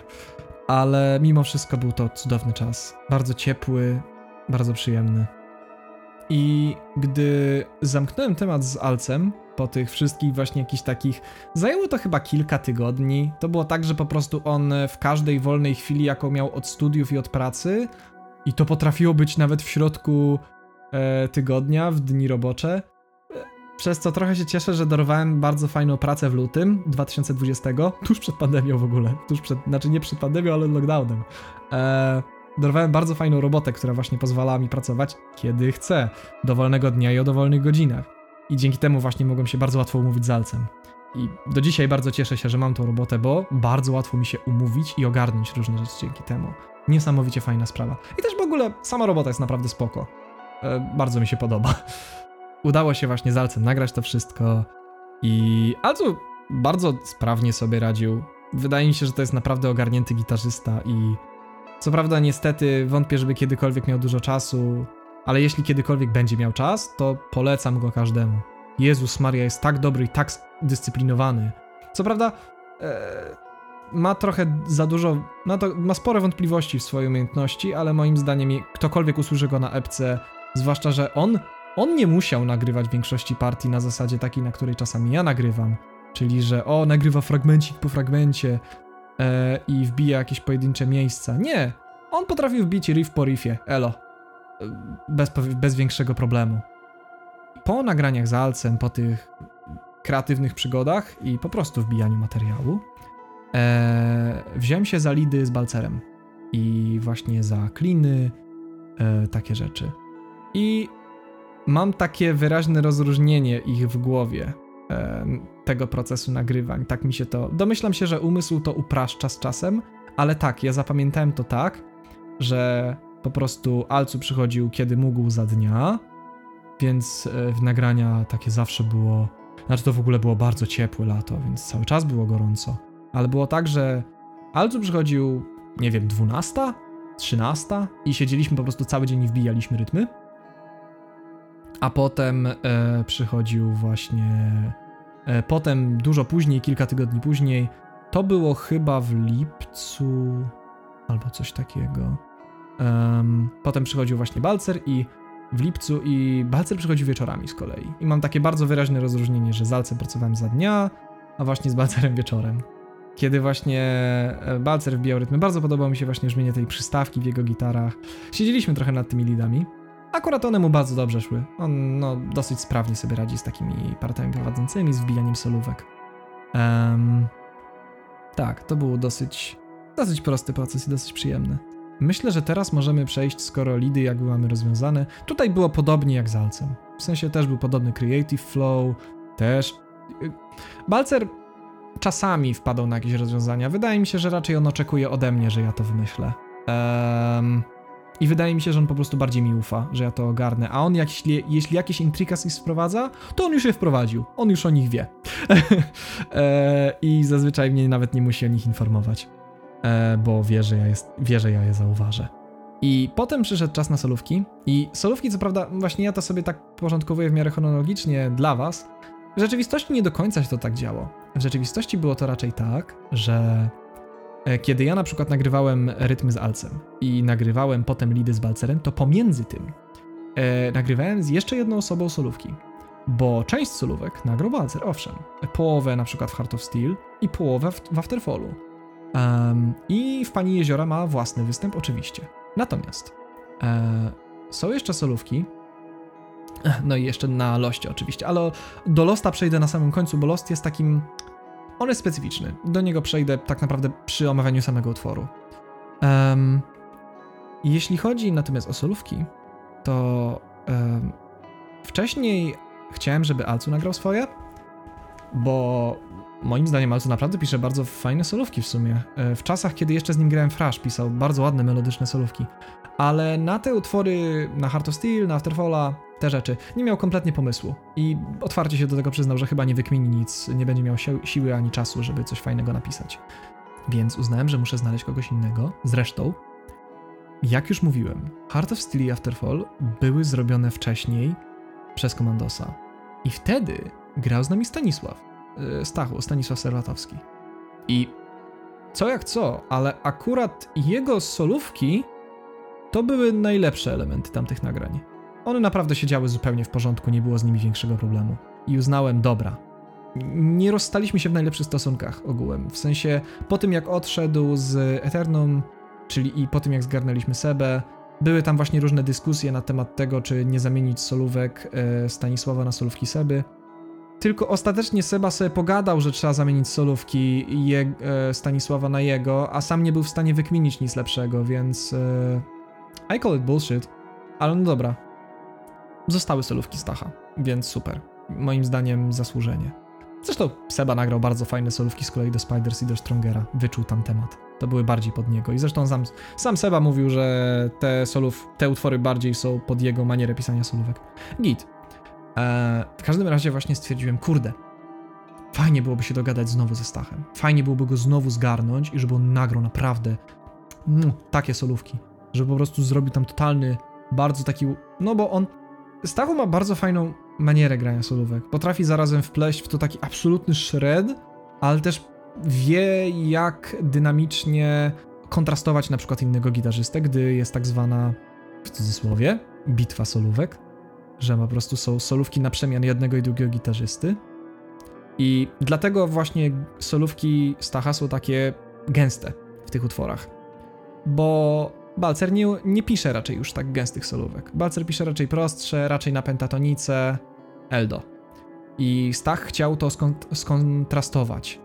Stach chciał jakby dodać temu takiego dobra, to skoro on zrobił w ten sposób, e, Stach pod tym względem myśli podobnie do mnie, czyli myśli pod kątem całej kompozycji, pod kątem oddania naprawdę kontekstu utworu i jego jakiejś takiej, w cudzysłowie znowu, historii, bo moim zdaniem instrumental też przekazuje sobą bardzo ważne treści, często bagatelizowane względem tekstu, e, czy wokalu, ale ja osobiście uważam, że to wbrew pozorom właśnie instrumental jest ważniejszy. I nikt nie musi się z tym ze mną zgadzać, to jest mój pogląd, oczywiście. Napisałem do Stanisława wtedy, chyba w kwietniu, czy może nie chciałby. Ej, stary, nie chciałbyś może nagrać solówek? Że jakby. Jak widziałeś, trochę się zmieniło. E, wywaliłem, znaczy. Rozstaliśmy się z Pauliną i wywaliłem Sebę. Może chciałbyś nagrać solówki? Może chciałbyś jednak do tego wrócić, teraz działa to zupełnie inaczej, nie ma żadnych po prostu, nie ma owijania w bawełnę, nie ma bullshitu, to jest solo projekt, robię to, bo to lubię, nie trzeba się zobowiązywać do grania na żywo, jest to działalność sesyjna, zresztą chętnie ci, w związku z tym, że to jest działalność sesyjna, to chętnie ci zapłacę za to. I Stachu na szczęście się zgodził, wpadł do mnie i no jak sam mi powiedział zresztą, że nagranie solówki do Afterfalla i do Heart of Steel to tak naprawdę pikuś dla niego, że bez problemu to jest dla niego do ogarnięcia. Kwestia bardzo krótkiego odświeżenia to była. Namówiłem go też, żeby nagrał solo do samotnego domu na sam koniec I co prawda potem zrobiłem je w takiej bardzo polstrokowej manierze, przez co może być ciężko momentami tym rozróżnić dźwięki, jest taki szum wręcz od tego solo, ale to był mój pomysł na to. Ja właśnie tego tam chciałem. Chciałem, żeby to było takie rozmyte, bo no, do tego przejdę przy okazji samego utworu. Ciekawy fakt może być też taki, że akurat to solo w ogóle w samotnym jest kompletnie improwizowane. To nie jest tak, że to dosłownie było tak, że my nagraliśmy Afterfalla, Heart of Steel i ja miałem takie Słuchaj, bo w samotnym domie na koniec, w samotnym dom, domie, domku, no, w samotnym domu, nie wiem. W samotnym i na koniec e, jest solo w oryginalnej wersji i u mnie jest co prawda tam już gęsty aranż, ale może nagrałbyś tam coś. I tak on, ale no stary, nic nie przygotowałem. A to nie ma problemu, improwizuj. I zaimprowizował. I moim zdaniem, wow. E, to solo tam robi robotę. W sensie no, ono jest naprawdę ekstra. Wbrew pozorom, mimo że jest trochę schowane w takim delayu w ogóle nałożonym przed wzmacniaczem, który właśnie daje takie wrażenie, że odbicia tworzą taki przesterowany jeszcze bardziej. Daje to takie wrażenie pożerających się dźwięków. Eee, coś, co bardzo też lubi Jakub Wejder właśnie. Co prawda on to lubi raczej na zasadzie trochę innego działania, grania solówki, a nie grania solówki w ten sposób, żeby dźwięki się pożerały, a nie nakładania delaya, żeby po prostu poprzedni dźwięk wybrzmiewał tak, że się nakłada na kolejny. Ale ja właśnie odkryłem, że hej, delay przed wzmacniaczem robi to bez pisania w ten sposób solówki i tak naprawdę wtedy każdy dźwięk może się pożerać z innym. What do you know? E, bo też bardzo lubię tą manierę. To teraz przejdziemy do kolejnego rozdziału, jakim było uporządkowanie tego całego bałaganu. I praca tak naprawdę nad tym jako taki. Jest to część pracy realizatora normalnie, i w tym przypadku ja się jej podjąłem w tym sensie, że stwierdziłem, dobra, e, trzeba nie tylko. No bo z jednej strony trzeba oczywiście zmiksować materiał, ale pierwszą fazą jest nagrywanie go i nie doceniłem, jak bardzo to będzie ciężkie. E, że o ile nagrywanie nie wydaje się trudne, naciskasz guzik, ewentualnie ustalasz preset gitarowy wcześniej z gitarzystą, ustalasz preset basowy dla siebie. no, przy nagrywaniu wokali to już miałem jakieś doświadczenie i tak naprawdę to, co okazało się naprawdę ciężkie, to było to była konsolidacja tego wszystkiego. Zebranie tego całego bałaganu, tej całej sesji pełnej ścieżek gitar, um, różnych dogrywek, i zebranie tego w jedno miejsce i zrobienie z tego spójnej sesji, w której po prostu, którą jakby realizator, w tym przypadku Konrad zobaczył, to nie złapałby się za głowę i miał takie, panie, kto to panu tak spiolił? No to tego chciałem uniknąć. I no, trochę nad tym siedziałem. E, zwłaszcza, że wtedy nie miałem takiego dobrego. No i dalej ja pracuję nad taką ładną etyką pracy, żeby jak najmniej napracować się zawczasu.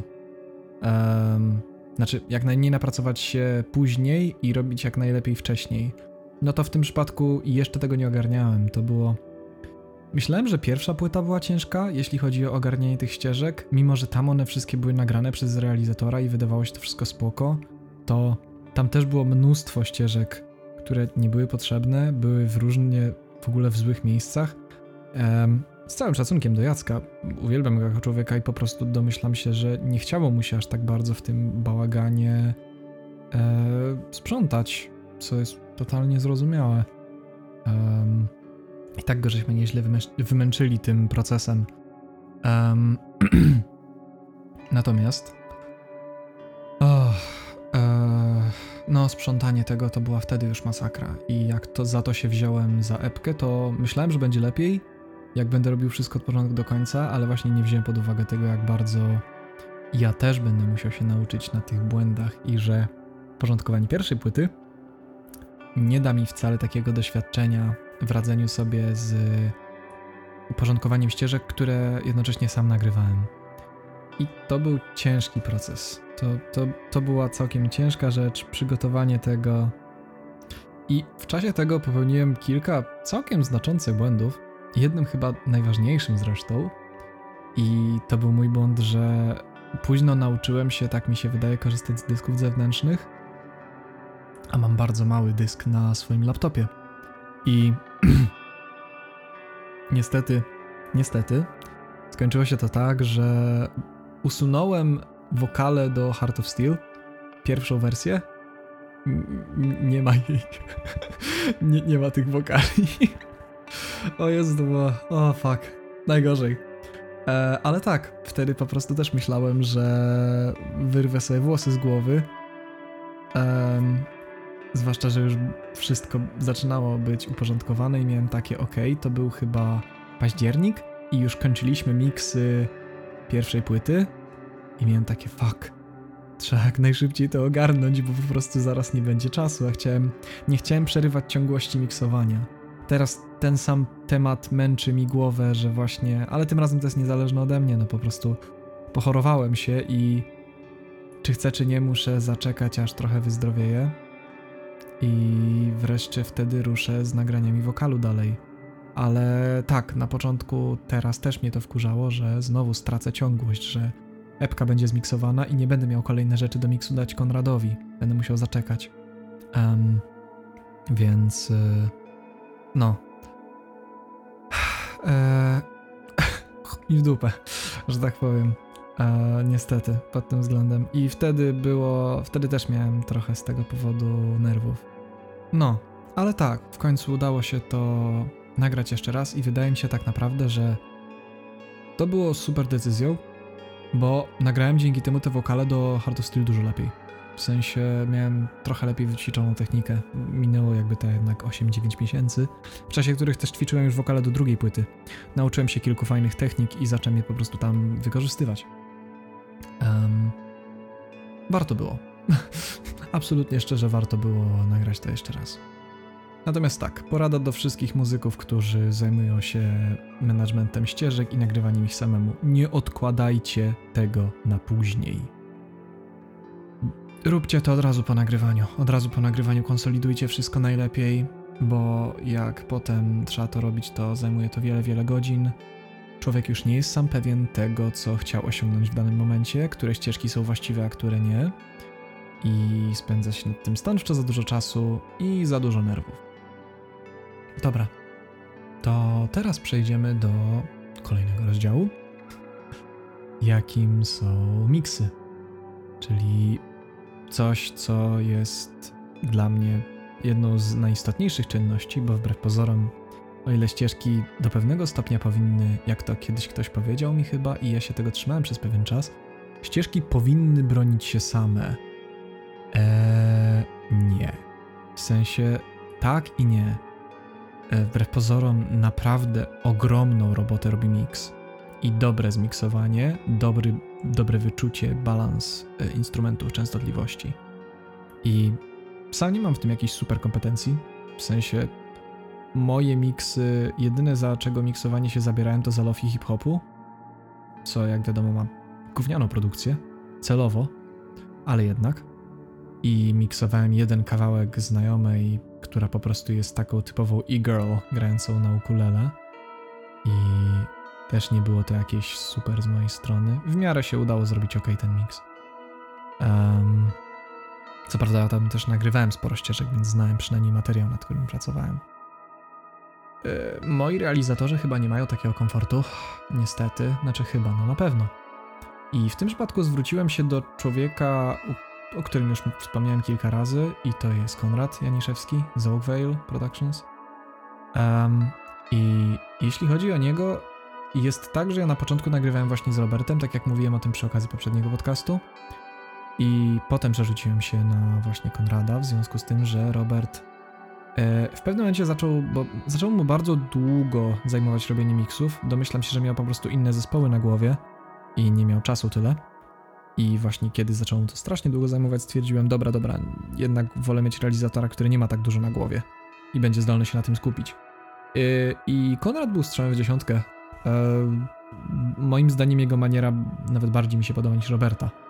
I jest też, no, bardzo, znaczy, Robert też jest fenomenalny, tylko po prostu wydaje mi się, że z Konradem troszkę, troszkę łatwiej mi się pracuje. Em, I Konrad, jakby porównując ich, mam takie wrażenie, że o ile Robert e, podchodzi do tego jak do pracy na zasadzie, no, nałoży dobre presety, ale presety. i posłucha raz, posłucha drugi raz e, i drugi raz najwyżej podczas poprawek, ale nawet nie wiadomo, nie wiem czy wtedy to robi. Natomiast z Konradem jest tak, że mam wrażenie, że mu się chce i jakby przy Spiders, przy Beyondzie, przy Strongerze wpadał na wiele różnych fajnych rozwiązań i właśnie pisał, że o zobacz tutaj wprowadziłem takie a takie filtry, to może być fajne. I tak samo przy niektórych utworach tutaj też wprowadzał rozwiązania od siebie i jakieś takie swoje elementy. I bardzo mi się to spodobało. E, tutaj robił ich mniej. Widział chyba, że te kompozycje są gęste i nie za bardzo jest co do nich wrzucić. Ale jednocześnie tak, e, bardzo, bardzo fajnie z jego strony. I widać, że bardzo mnie cieszy, że właśnie jest taki całkiem zaangażowany w temat i nawet pamiętam, że jak z nim miksowałem właśnie te utwory, to w pewnym momencie on mi napisał chyba po miksie Afterfalla i Heart of Steel, jak zaczął robić Samotny Dom, że właśnie ej stary, kompletnie mi się zmieniła koncepcja na zrobienie bębnów i zmienił brzmienie, ale tak zajebiste, w sensie tak fajnie je poprawił. I właśnie powiedział, że dobra, to stary, e, ja to poprawię potem te pozostałe numery, żeby pasowały do tego. I mega, wielu realizatorów po prostu jechałoby cały czas na tym samym, mimo że mogłoby lepiej. Skapnęliby się, że mogło lepiej, ale mieliby takie, a dobra, wyjebane. Natomiast on nie. On właśnie stwierdził, nie, ja to naprawię. Więc super. Naprawdę fajnie mieć zaangażowanego realizatora. No i tak, te miksy. Miksy to dla mnie jest nauka tak naprawdę pracy z realizatorem, nauka kreowania swojego brzmienia przy pomocy cudzych rąk drugi człowiek coś robi, a ty musisz mu podać jak najbardziej precyzyjne porady, żeby zrobił to, co chcesz. Jakby to jest. O Jezu, no, to jest tak jak w wielu sferach życia, po prostu nauka komunikacji. Jakby, no, ja dalej e, wielu rzeczy wydaje mi się, że nie osiągnąłem tak, jakbym chciał. Nawet w tych miksach epki i liczę na to, że druga płyta dzięki temu będzie trochę lepsza. Ale, znaczy, jestem zadowolony z rezultatów. Natomiast e, widzę, że dalej to mogłoby być lepsze, ale to nie jest ani to nie jest wina Konrada, tylko moja, że ja jeszcze nie umiem mu powiedzieć, jak zrobić rzeczy lepiej, nie umiem wysłowić się często. On po prostu zrobił robotę tak, jak umiał, a ja mam takie. Ech, jak coś przekazać, jak coś ubrać w słowa, jak coś zrobić, i w pewnym momencie się zatrzymuję. Jest nawet takie powiedzenie zresztą wśród realizatorów, że Mix nigdy nie jest skończony. E, jest odstawiony po prostu już. Nie da się tego po prostu najwyraźniej czasami zamknąć dobrze. Trzeba to po prostu odstawić, zostawić i uznać. To jest najlepsze, jak mogłoby być. Albo po prostu już nikt nie ma siły nad tym pracować. Tak też bywa. Jeśli chodzi o miksy, nie trwały długo. Zaczęły się w styczniu i zakończyły w kwietniu. E, tak naprawdę zamknęliśmy ostatni utwór chyba w zeszły weekend czyli to był. No, tam 4 kwietnia. No, to święta teraz, co były. To tuż przed świętami zamknęliśmy miksy. I teraz tak naprawdę czekam tylko i robię finalną rewizję z Konradem i pewnie myślę, że od razu po tym je wrzucimy, bo ostatni mix był świetny i pewnie jeśli pozostałe zostaną do niego dostosowane, gituwa, nie będzie żadnego problemu. I jeśli chodzi o to, znaczy ten proces epki rozwleka się tak właśnie dlatego, bo jak się popatrzy, to jest w sumie nieźle rozleczone, nie? W sensie, skoro pierwsze nagrania były w styczniu 2020, a miksy zaczęły się w styczniu 2021, cały rok, trochę dużo czasu. Ale to właśnie dlatego, że musieliśmy. Wcześniej zamykaliśmy miksy pierwszej płyty. I początkowo ja nawet rozważałem, czy nie robić na dwóch realizatorów, czyli nie dać epki Robertowi, a Konrad by kontynuował tamto. Tylko właśnie nie byłem pewien, czy Robert znowu nie robiłby mi strasznych przystojów. I trochę się obawiałem, że skończyłbym inwestując zbyt dużo czasu i nie wiedząc, czy to się opłaci. Poza tym po prostu lepiej chyba trzymać się pracy z jednym realizatorem, bo wtedy on się uczy działania z tobą i robi to coraz lepiej i wychodzi to na korzyść dla wszystkich. Dla muzyka i dla realizatora. Realizator ma stały dopływ zleceń, a ty masz y, coraz lepiej rozumiejącego cię realizatora. Dobra, wbrew pozorom, zbliżamy się już do końca. Zostały nam tak naprawdę dwie rzeczy najważniejsze, czyli omówienie albumu oraz utworów. I oczywiście zaczniemy od albumu. Jeśli chodzi o tytuł Aside from City, on nie jestem do końca zdolny powiedzieć skąd się wziął. jest to troszkę tak, e, znowu jest to takie moje foliarskie trochę myślenie, że mam wrażenie, że taka intuicja mnie jako człowieka czy muzyka, to może być właśnie odebrane bardzo negatywnie, bo wiem, że wiele osób mogłoby się obrazić, że o, jako muzyk uważasz, że masz jakąś niesamowitą intuicję, której inni ludzie nie mają. Nie, nie zakładam tego. Zakładam po prostu. Jako muzyk mam pewną intuicję. Nie, nie pytam się, co inni mają i nie zastanawiam się nad tym. Ale tak, wydaje mi się, że ja jako muzyk mam pewien, albo ja po prostu jako człowiek tworzący, mam taką intuicję, która każe mi robić rzeczy i one wyjaśnią się same z czasem. One dopiero po pewnym czasie pokażą mi, o co w nich chodzi. I z epką wydaje mi się, że było podobnie. I podobnie było z pierwszą płytą, no nie Just Colors, że też jakby słuchając tej płyty potem miałem takie, o, ona wyraża dokładnie te wszystkie rzeczy, ale w trochę pokrętny sposób. I nie domyśliłbym się tego, robiąc te utwory, że one mnie zaprowadzą w takie miejsce. I jakby przykładem uporządkowania tego, co zaczęła pierwsza płyta, będzie druga, bo druga jest bardzo świadomym procesem pisania. Ale no, wracając do epki. E, tytuł pojawił się dawno temu. Wydaje mi się, że już w 2018, pod koniec 2018, ja już wiedziałem, że ta epka będzie się tak nazywać. Miałem tak, że. I wydaje mi się, że to wynikało na początku z bardzo prostego skojarzenia, że pani jeziora i jest taki samotny dom. Oba te teksty mówiły o miejscach takich. Takich daleko od miasta dla mnie, w moim odczuciu, że jakieś jeziora i można to kojarzyć w prosty sposób na taki rozum bycia, nie wiem, wychowywania się w Polsce i mieć takie, o, Mazury. Tam nie ma dużo miast jakichś dużych i to jest daleko na przykład od miejsca, gdzie ja mieszkam i do którego jestem przyzwyczajony nazywania go takim swoim miastem, czyli Warszawy. A jest taki samotny dom z kolei, to jest takie... Jest taki samotny dom, kojarzy mi się z jakimś domem w górach.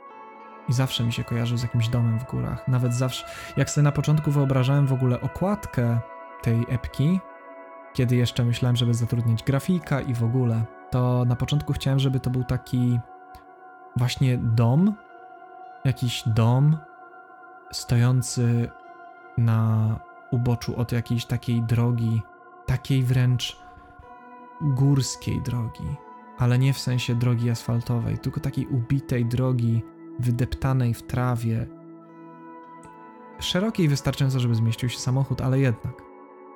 Oczywiście zmieniło się to z czasem, e, w związku z tym, że bardziej chciałem się uniezależnić i robić okładki samemu.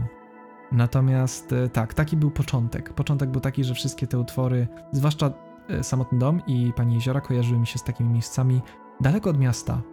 Afterfall w sumie też. Afterfall można interpretować dosłownie te, tekst tego utworu jako człowieka, który właśnie spadł z górskiego stoku e, albo wpadł do jaskini bardziej w tym przypadku i próbuje się z niej wydostać. E, mimo, że jest na początku ma ledwo siły i nikt nie wie nawet jak za bardzo mu pomóc, bo zejście do miejsca, gdzie on jest, grozi, jemu, grozi samej tej osobie prawdopodobnie upadkiem. Trzeba doświadczonej osoby w takim wypadku. Tak bardzo wchodząc w dosłowne jakieś dywagacje na temat tekstu.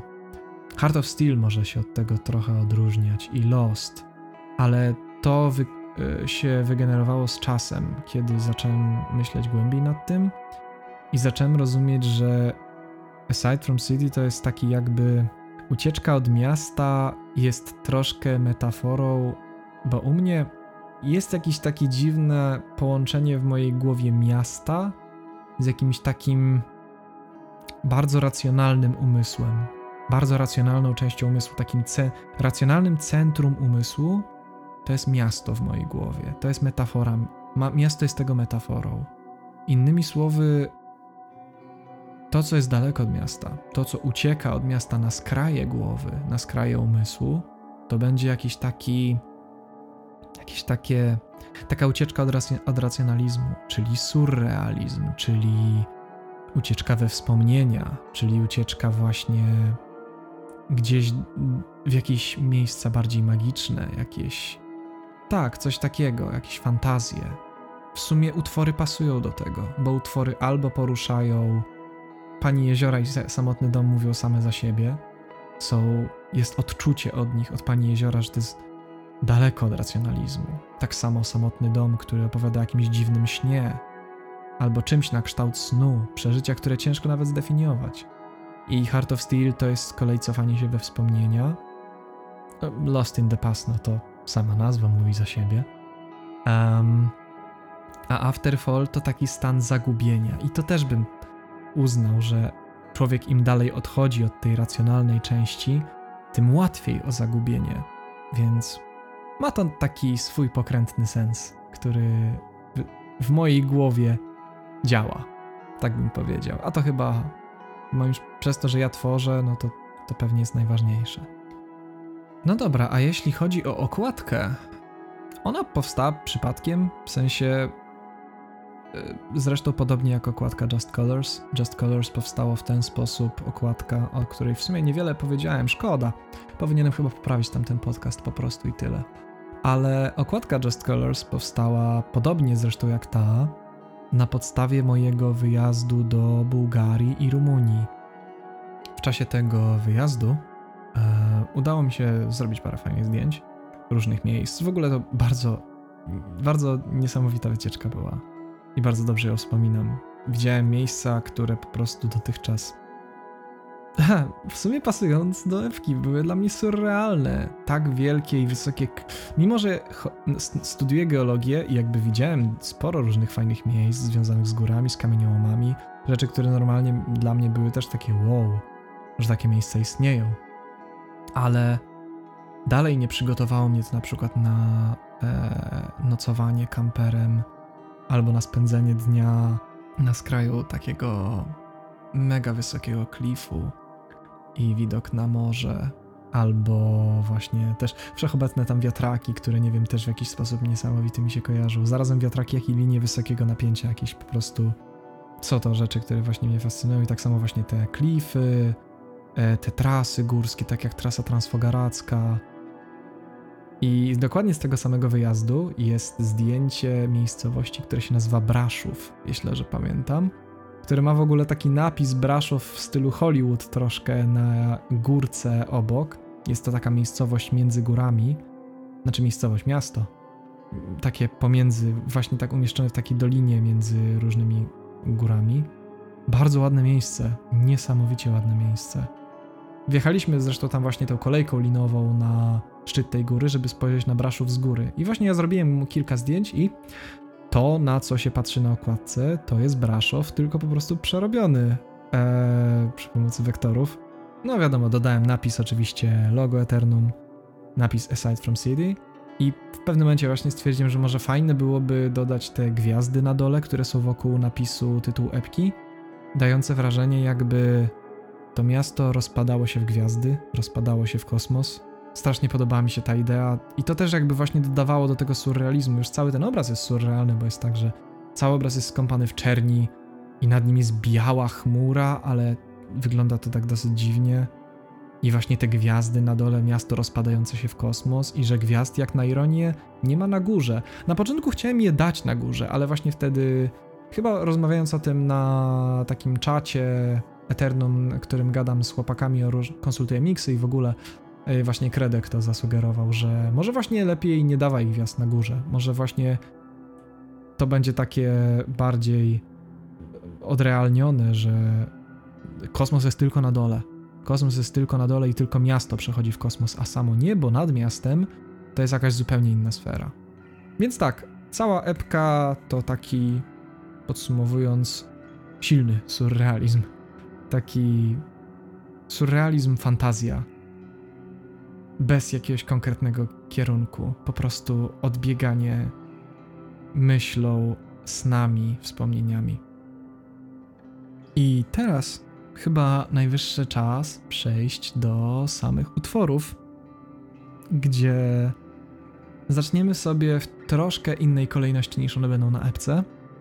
Głównie dlatego, że chciałem, żeby samotny dom zamykał epkę, bardzo mi na tym zależało.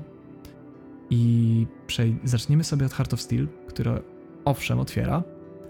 Um, I warto powiedzieć właśnie to, co mówiłem zresztą wcześniej, że jest to kompozycja nie moja, jest y, Mateusza Zadrogi. e, czyli Bobra, ja go znam właśnie pod pseudonimem Bubr, albo Matt Beeve, e, grający w Lady Strange. I już polecałem ten zespół, będę go pewnie jeszcze wielokrotnie polecał. Bardzo lubię tych ludzi, bardzo mi się podoba, jak oni działają jako zespół. Jeśli chodzi o, no tak jak mówiłem wcześniej, utwór Pamięta jeszcze starego Komandosa.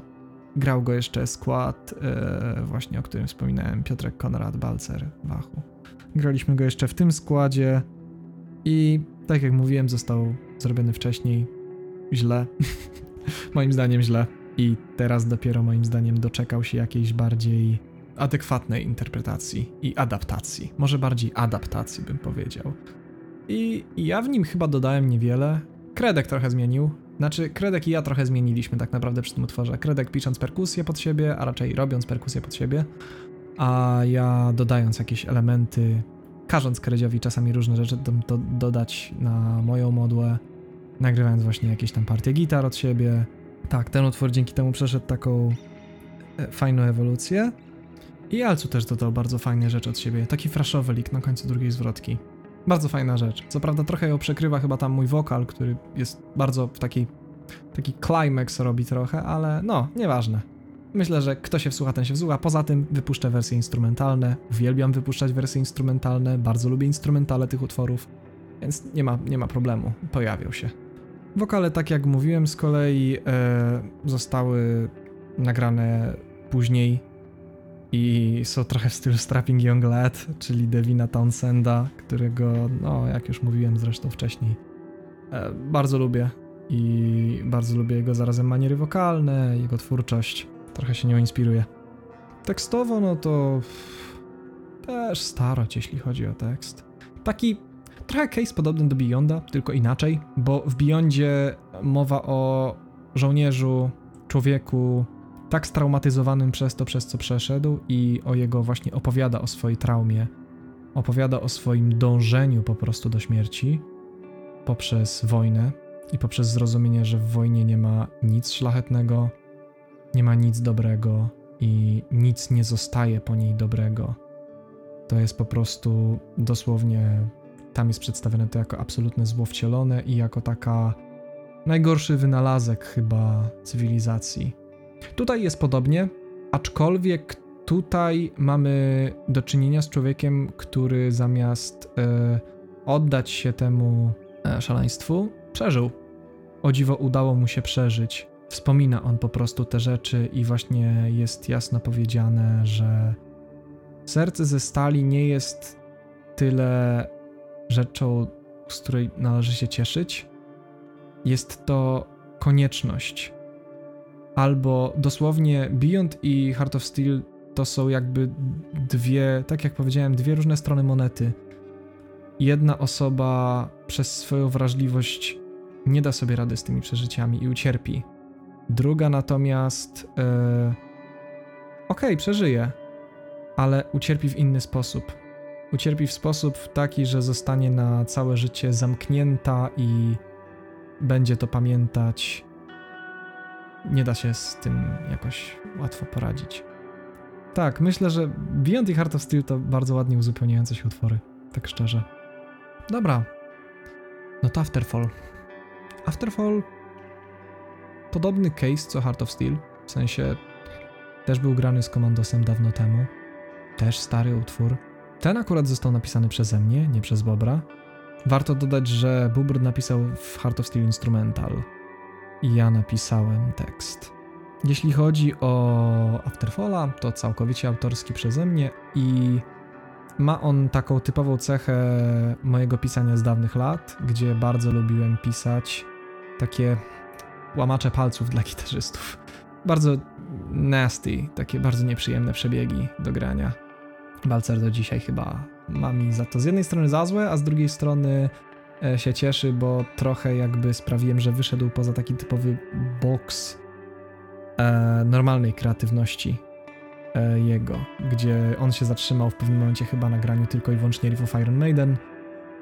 A nie znoszę Iron Maiden i chciałem właśnie robić coś ciekawszego, oryginalniejszego. E, zwłaszcza, że oni w pewnym momencie zaczęli odgrzewać dosłownie to samo przez cały czas. Ile można jechać na rytmu typu konik? Na rytmie typu konik, masakra. W każdym razie, no nie no, i jak wiadomo, oczywiście taka karma is a bitch i jakby w sumie z drugiej strony karma jest jak najbardziej sprawiedliwa i pokazała mi, że ej, nie robisz wcale nic bardziej innowacyjnego. I się zgadzam, no Afterfall jest typowy do bólu, jeśli chodzi o heavy metal. Jest ładny, jest nawet ładnym utworem, ale nie odkrywa żadnych nowych yy, terenów muzycznych. Jeśli chodzi o takie highlighty tego utworu, no to bardzo fajny breakdown tam Kerodio zrobił e, na solówkach i fajnie udało się wkomponować ósemki znowu. To musiał Alcu nagrywać, bo ja nie dałbym rady nagrać takiej partii. I bardzo fajnie przez to nisko siadł jeden refren. Znowu też sporo ciężkich riffów dla tego, nawet dla Alca były one dosyć trudne. Widać w nim pewną cechę tego, że nie umiałem pisać muzyki pod wokal do końca, w sensie riffy są tam naprawdę gęste i robią sporo rzeczy, które wokal tak naprawdę zamiast amplifikować, to przykrywa. Czyli jakby widać, że dal... przez to, że to jest stary utwór, to widać, że nie rozumiałem, że czasami muzyka wbrew pozorom potrzebuje być tłem. Że nie zawsze muzyka wbrew pozorom, czasami pisanie bardzo ambitnego instrumentala w miejscach, gdzie wokal śpiewa, no musi być to naprawdę inteligentnie zrobione, bo inaczej bardzo łatwo przykryć to. No ale znowu, trzeba będzie, właśnie tym bardziej dlatego wypuszczam wersje instrumentalne tych utworów, bo spokojnie to się może obronić jako instrumentalny heavy metal. I wokal może temu dodać uroku, ale nie musi. Wokal wbrew pozorom może ukrywać różne rzeczy, dlatego każdą osobę, która będzie miała cierpliwość, zachęcam, żeby posłuchała też tego instrumentalnie, bo to może być kompletnie inne przeżycie. No i teraz przechodzimy do takiej, powiedziałbym, że śmietanki tego albumu. Takiej. To są te, moim zdaniem, to są dwa najlepsze utwory na tym albumie. I to jest Pani Jeziora i Samotny Dom. Jak na ironię, dwa najlepsze są coverami, ale. Eee, zacznijmy od Pani Jeziora. Tak jak mówiłem, miała być na, na, zagrana dla te. Wpadliśmy na pomysł na podstawie tego, że Paulina grała w leśnym, haha, śmieszne. I swoją drogą naprawdę fajne. I to było tak, że na początku ja stwierdziłem, że dobra, ale jeśli ja mam robić Panią Jeziora, najpierw wysłuchałem tego utworu i miałem takie... To, to nie jest w moim stylu. To, to, nie, to bardzo nie jest muzyka w moim stylu. Ja w ogóle nie znoszę e, folk metalu i takiej muzyki folkowej w sensie folk metalu polskiego zwłaszcza nie znoszę, albo część, sporej części europejskiego. Jest to dla mnie taka... No bo taki prawdziwy folk w Europie praktycznie nie istnieje, no. To jest nasz problem. W sensie taki folk, zwłaszcza w muzyce metalowej. Tak naprawdę folk metal to, to jest popowa struktura utworu plus skrzypce, najczęściej żeński wokal. I opowiadanie o albo bogach słowiańskich, albo smokach. Kto co lubi, nie? Jakby Nocny zrobił tego całkiem śmieszną przeróbkę w postaci smoki i gołe baby. Chociaż Imo nie zestarzał się najlepiej ten utwór. Kiedyś był chyba bardziej zabawny. No, ale tak. E, więc stwierdziłem, że dobra, trzeba wziąć tą panią jeziora i naprawdę zrobić jej solidną przeróbkę, żeby ona pasowała do tego zespołu. Zwłaszcza, że coraz bardziej wtedy odbiegałem w kierunki jakieś właśnie takie około progmetalowe i półstrokowe.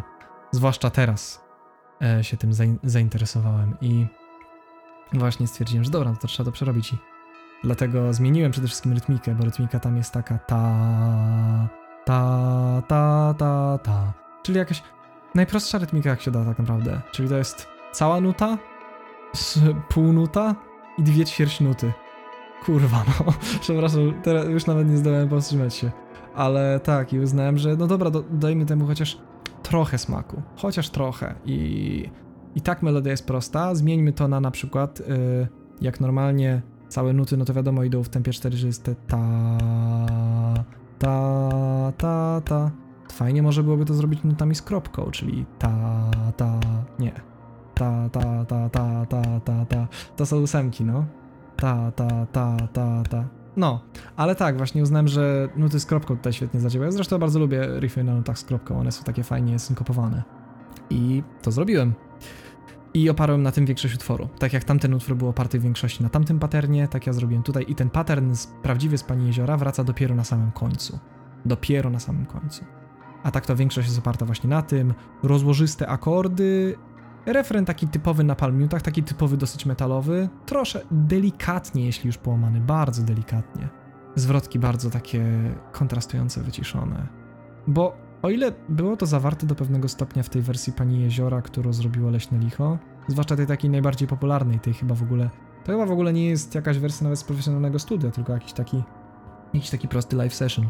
No, nie wiem, nie broniła się najlepiej, najlepiej ta wersja w mojej głowie i właśnie stwierdziłem, że to jest fajne, ale trzeba to zrobić ciekawsze i większe różnice dynamiki dać.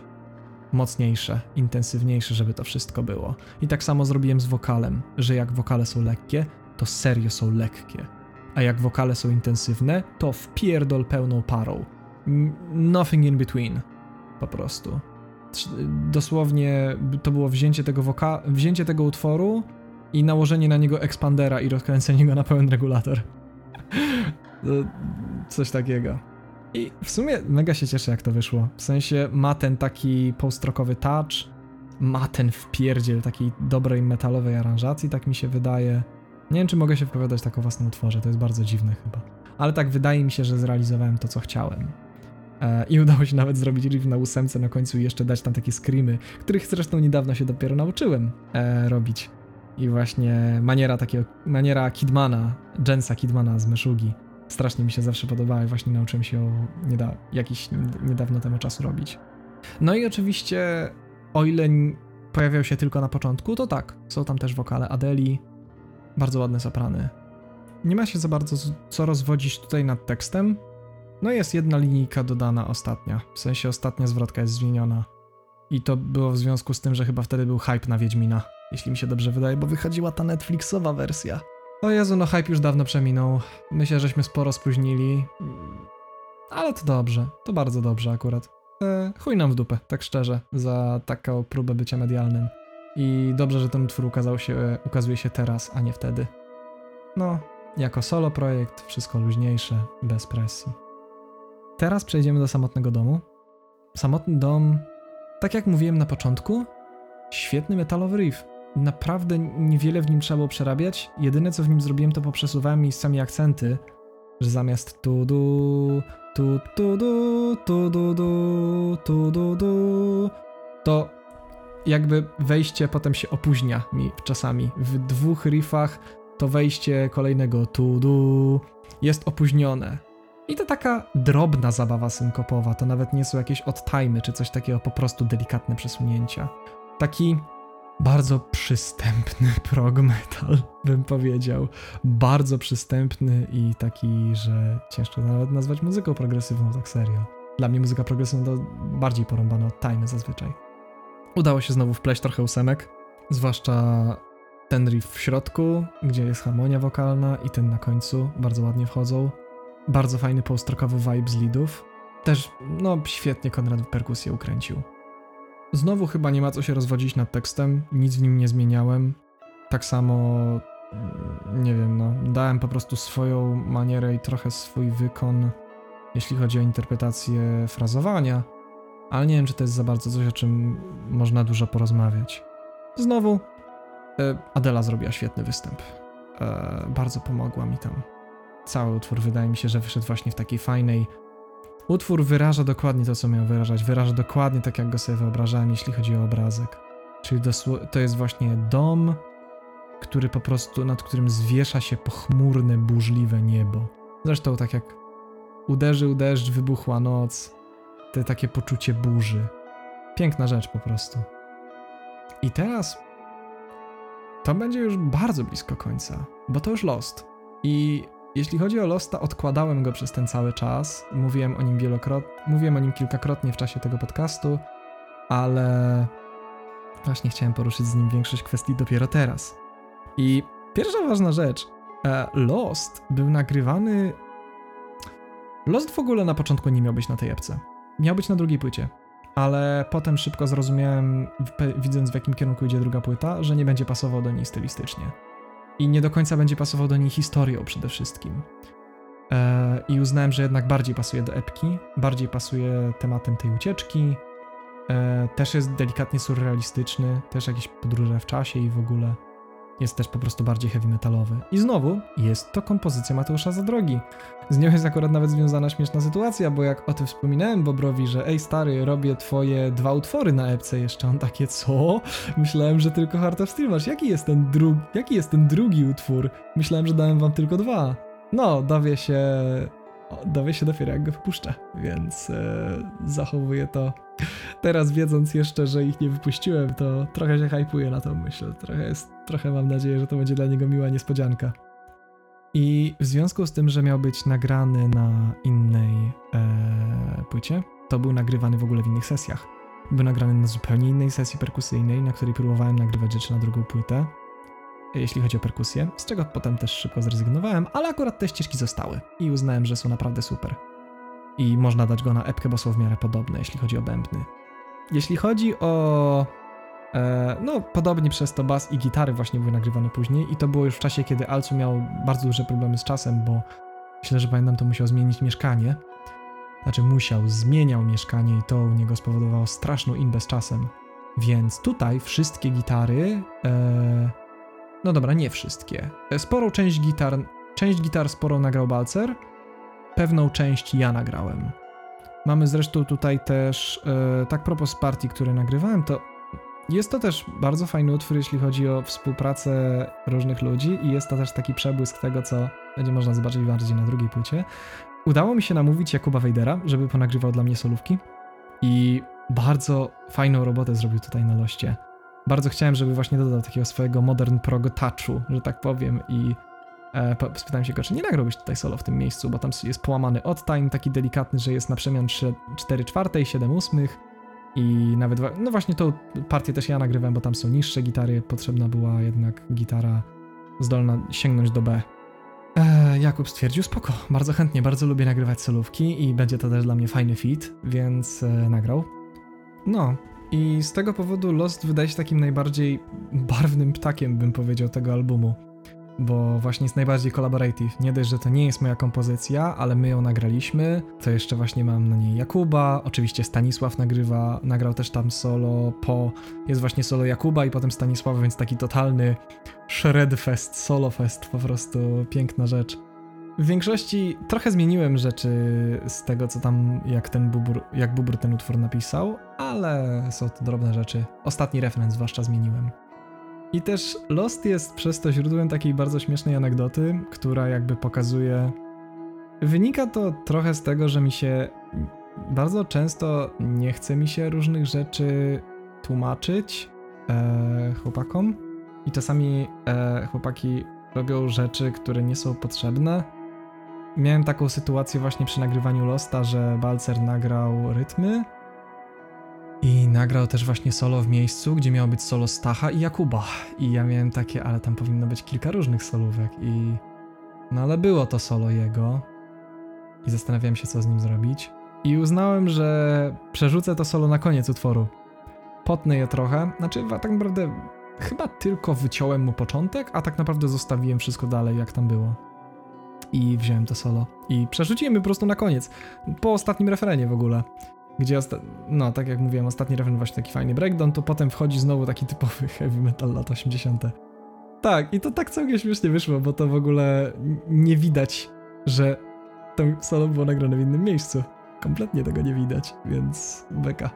Jeśli chodzi o... Znaczy, aranż jest nawet fajny w sumie moim zdaniem. Dalej jest to dosyć typowo heavy metalowe, ale w sumie ma taki fajny touch tego, że dużo się tam dzieje, dużo się tam zmienia. Wokale też wyszły tam nawet fajne, takie agresywne. I jeśli chodzi o tekst, to chyba jest jedyny, pierwszy, pierwsze coś, co wydałem, co ma serio świadomie napisany tekst, tak myślę. Jest tam mowa o czymś, co już od pewnego czasu mnie jakby męczy w moim życiu, czyli. Znaczy, no, myślę, że to nie tylko mnie, to jest bardzo popularny w ogóle case e, w życiu większości ludzi, czyli borykanie się z pewnymi wspomnieniami, borykanie się z pewnymi elementami swojego życia. Dosłownie ten tekst tego dotyczy właśnie takiego bycia zagubionym w przeszłości i ostatecznie prowadzi do właśnie klimaksu w ostatnim refrenie, gdzie postać rozumie, że okej, okay, akceptuję teraz siebie takim jakim jestem. Wiem, że to nie koniec, bo już byłem zagubiony, już wiem jak to jest, już wiem byłem w tym miejscu i wiem, że wydostanę się z niego w przyszłości. Wiem, że istnieje jakby droga na zewnątrz, poza jakiś taki, poza jakiś napędzający się samemu overthinking i jakieś takie siedzenie w tym wszystkim, co było. No nie jest to jakieś odkrywczenie, ale jest, no. To jest po prostu coś, przez co najwyraźniej ja musiałem przejść i uznałem, że fajnie będzie to udokumentować. Oczywiście używając do tego cudzej kompozycji, więc po prostu beka. O, super. I to jest tyle. To jest, to jest cały podcast. I jak patrzę teraz na zegar, to wow, będzie trwał tyle co poprzedni, mimo że dotyczy dużo krótszego epizodu, czyli gdybym robił podcast na podstawie Just Colors. O mój Boże! I był go on tak szczegółowy jak ten? O Jezu, najgorzej. Ale no, liczę na to, że takie gadanie przez te dwie godziny się podobało. Tym razem nie będę go chyba dużo ciął. Może trochę przyspieszę, e, że, bo wydaje mi się, że ja wolno mówię i pewnie przyspieszenie tego delikatnie w programie będzie dobrym pomysłem. To. No, trzymajcie się.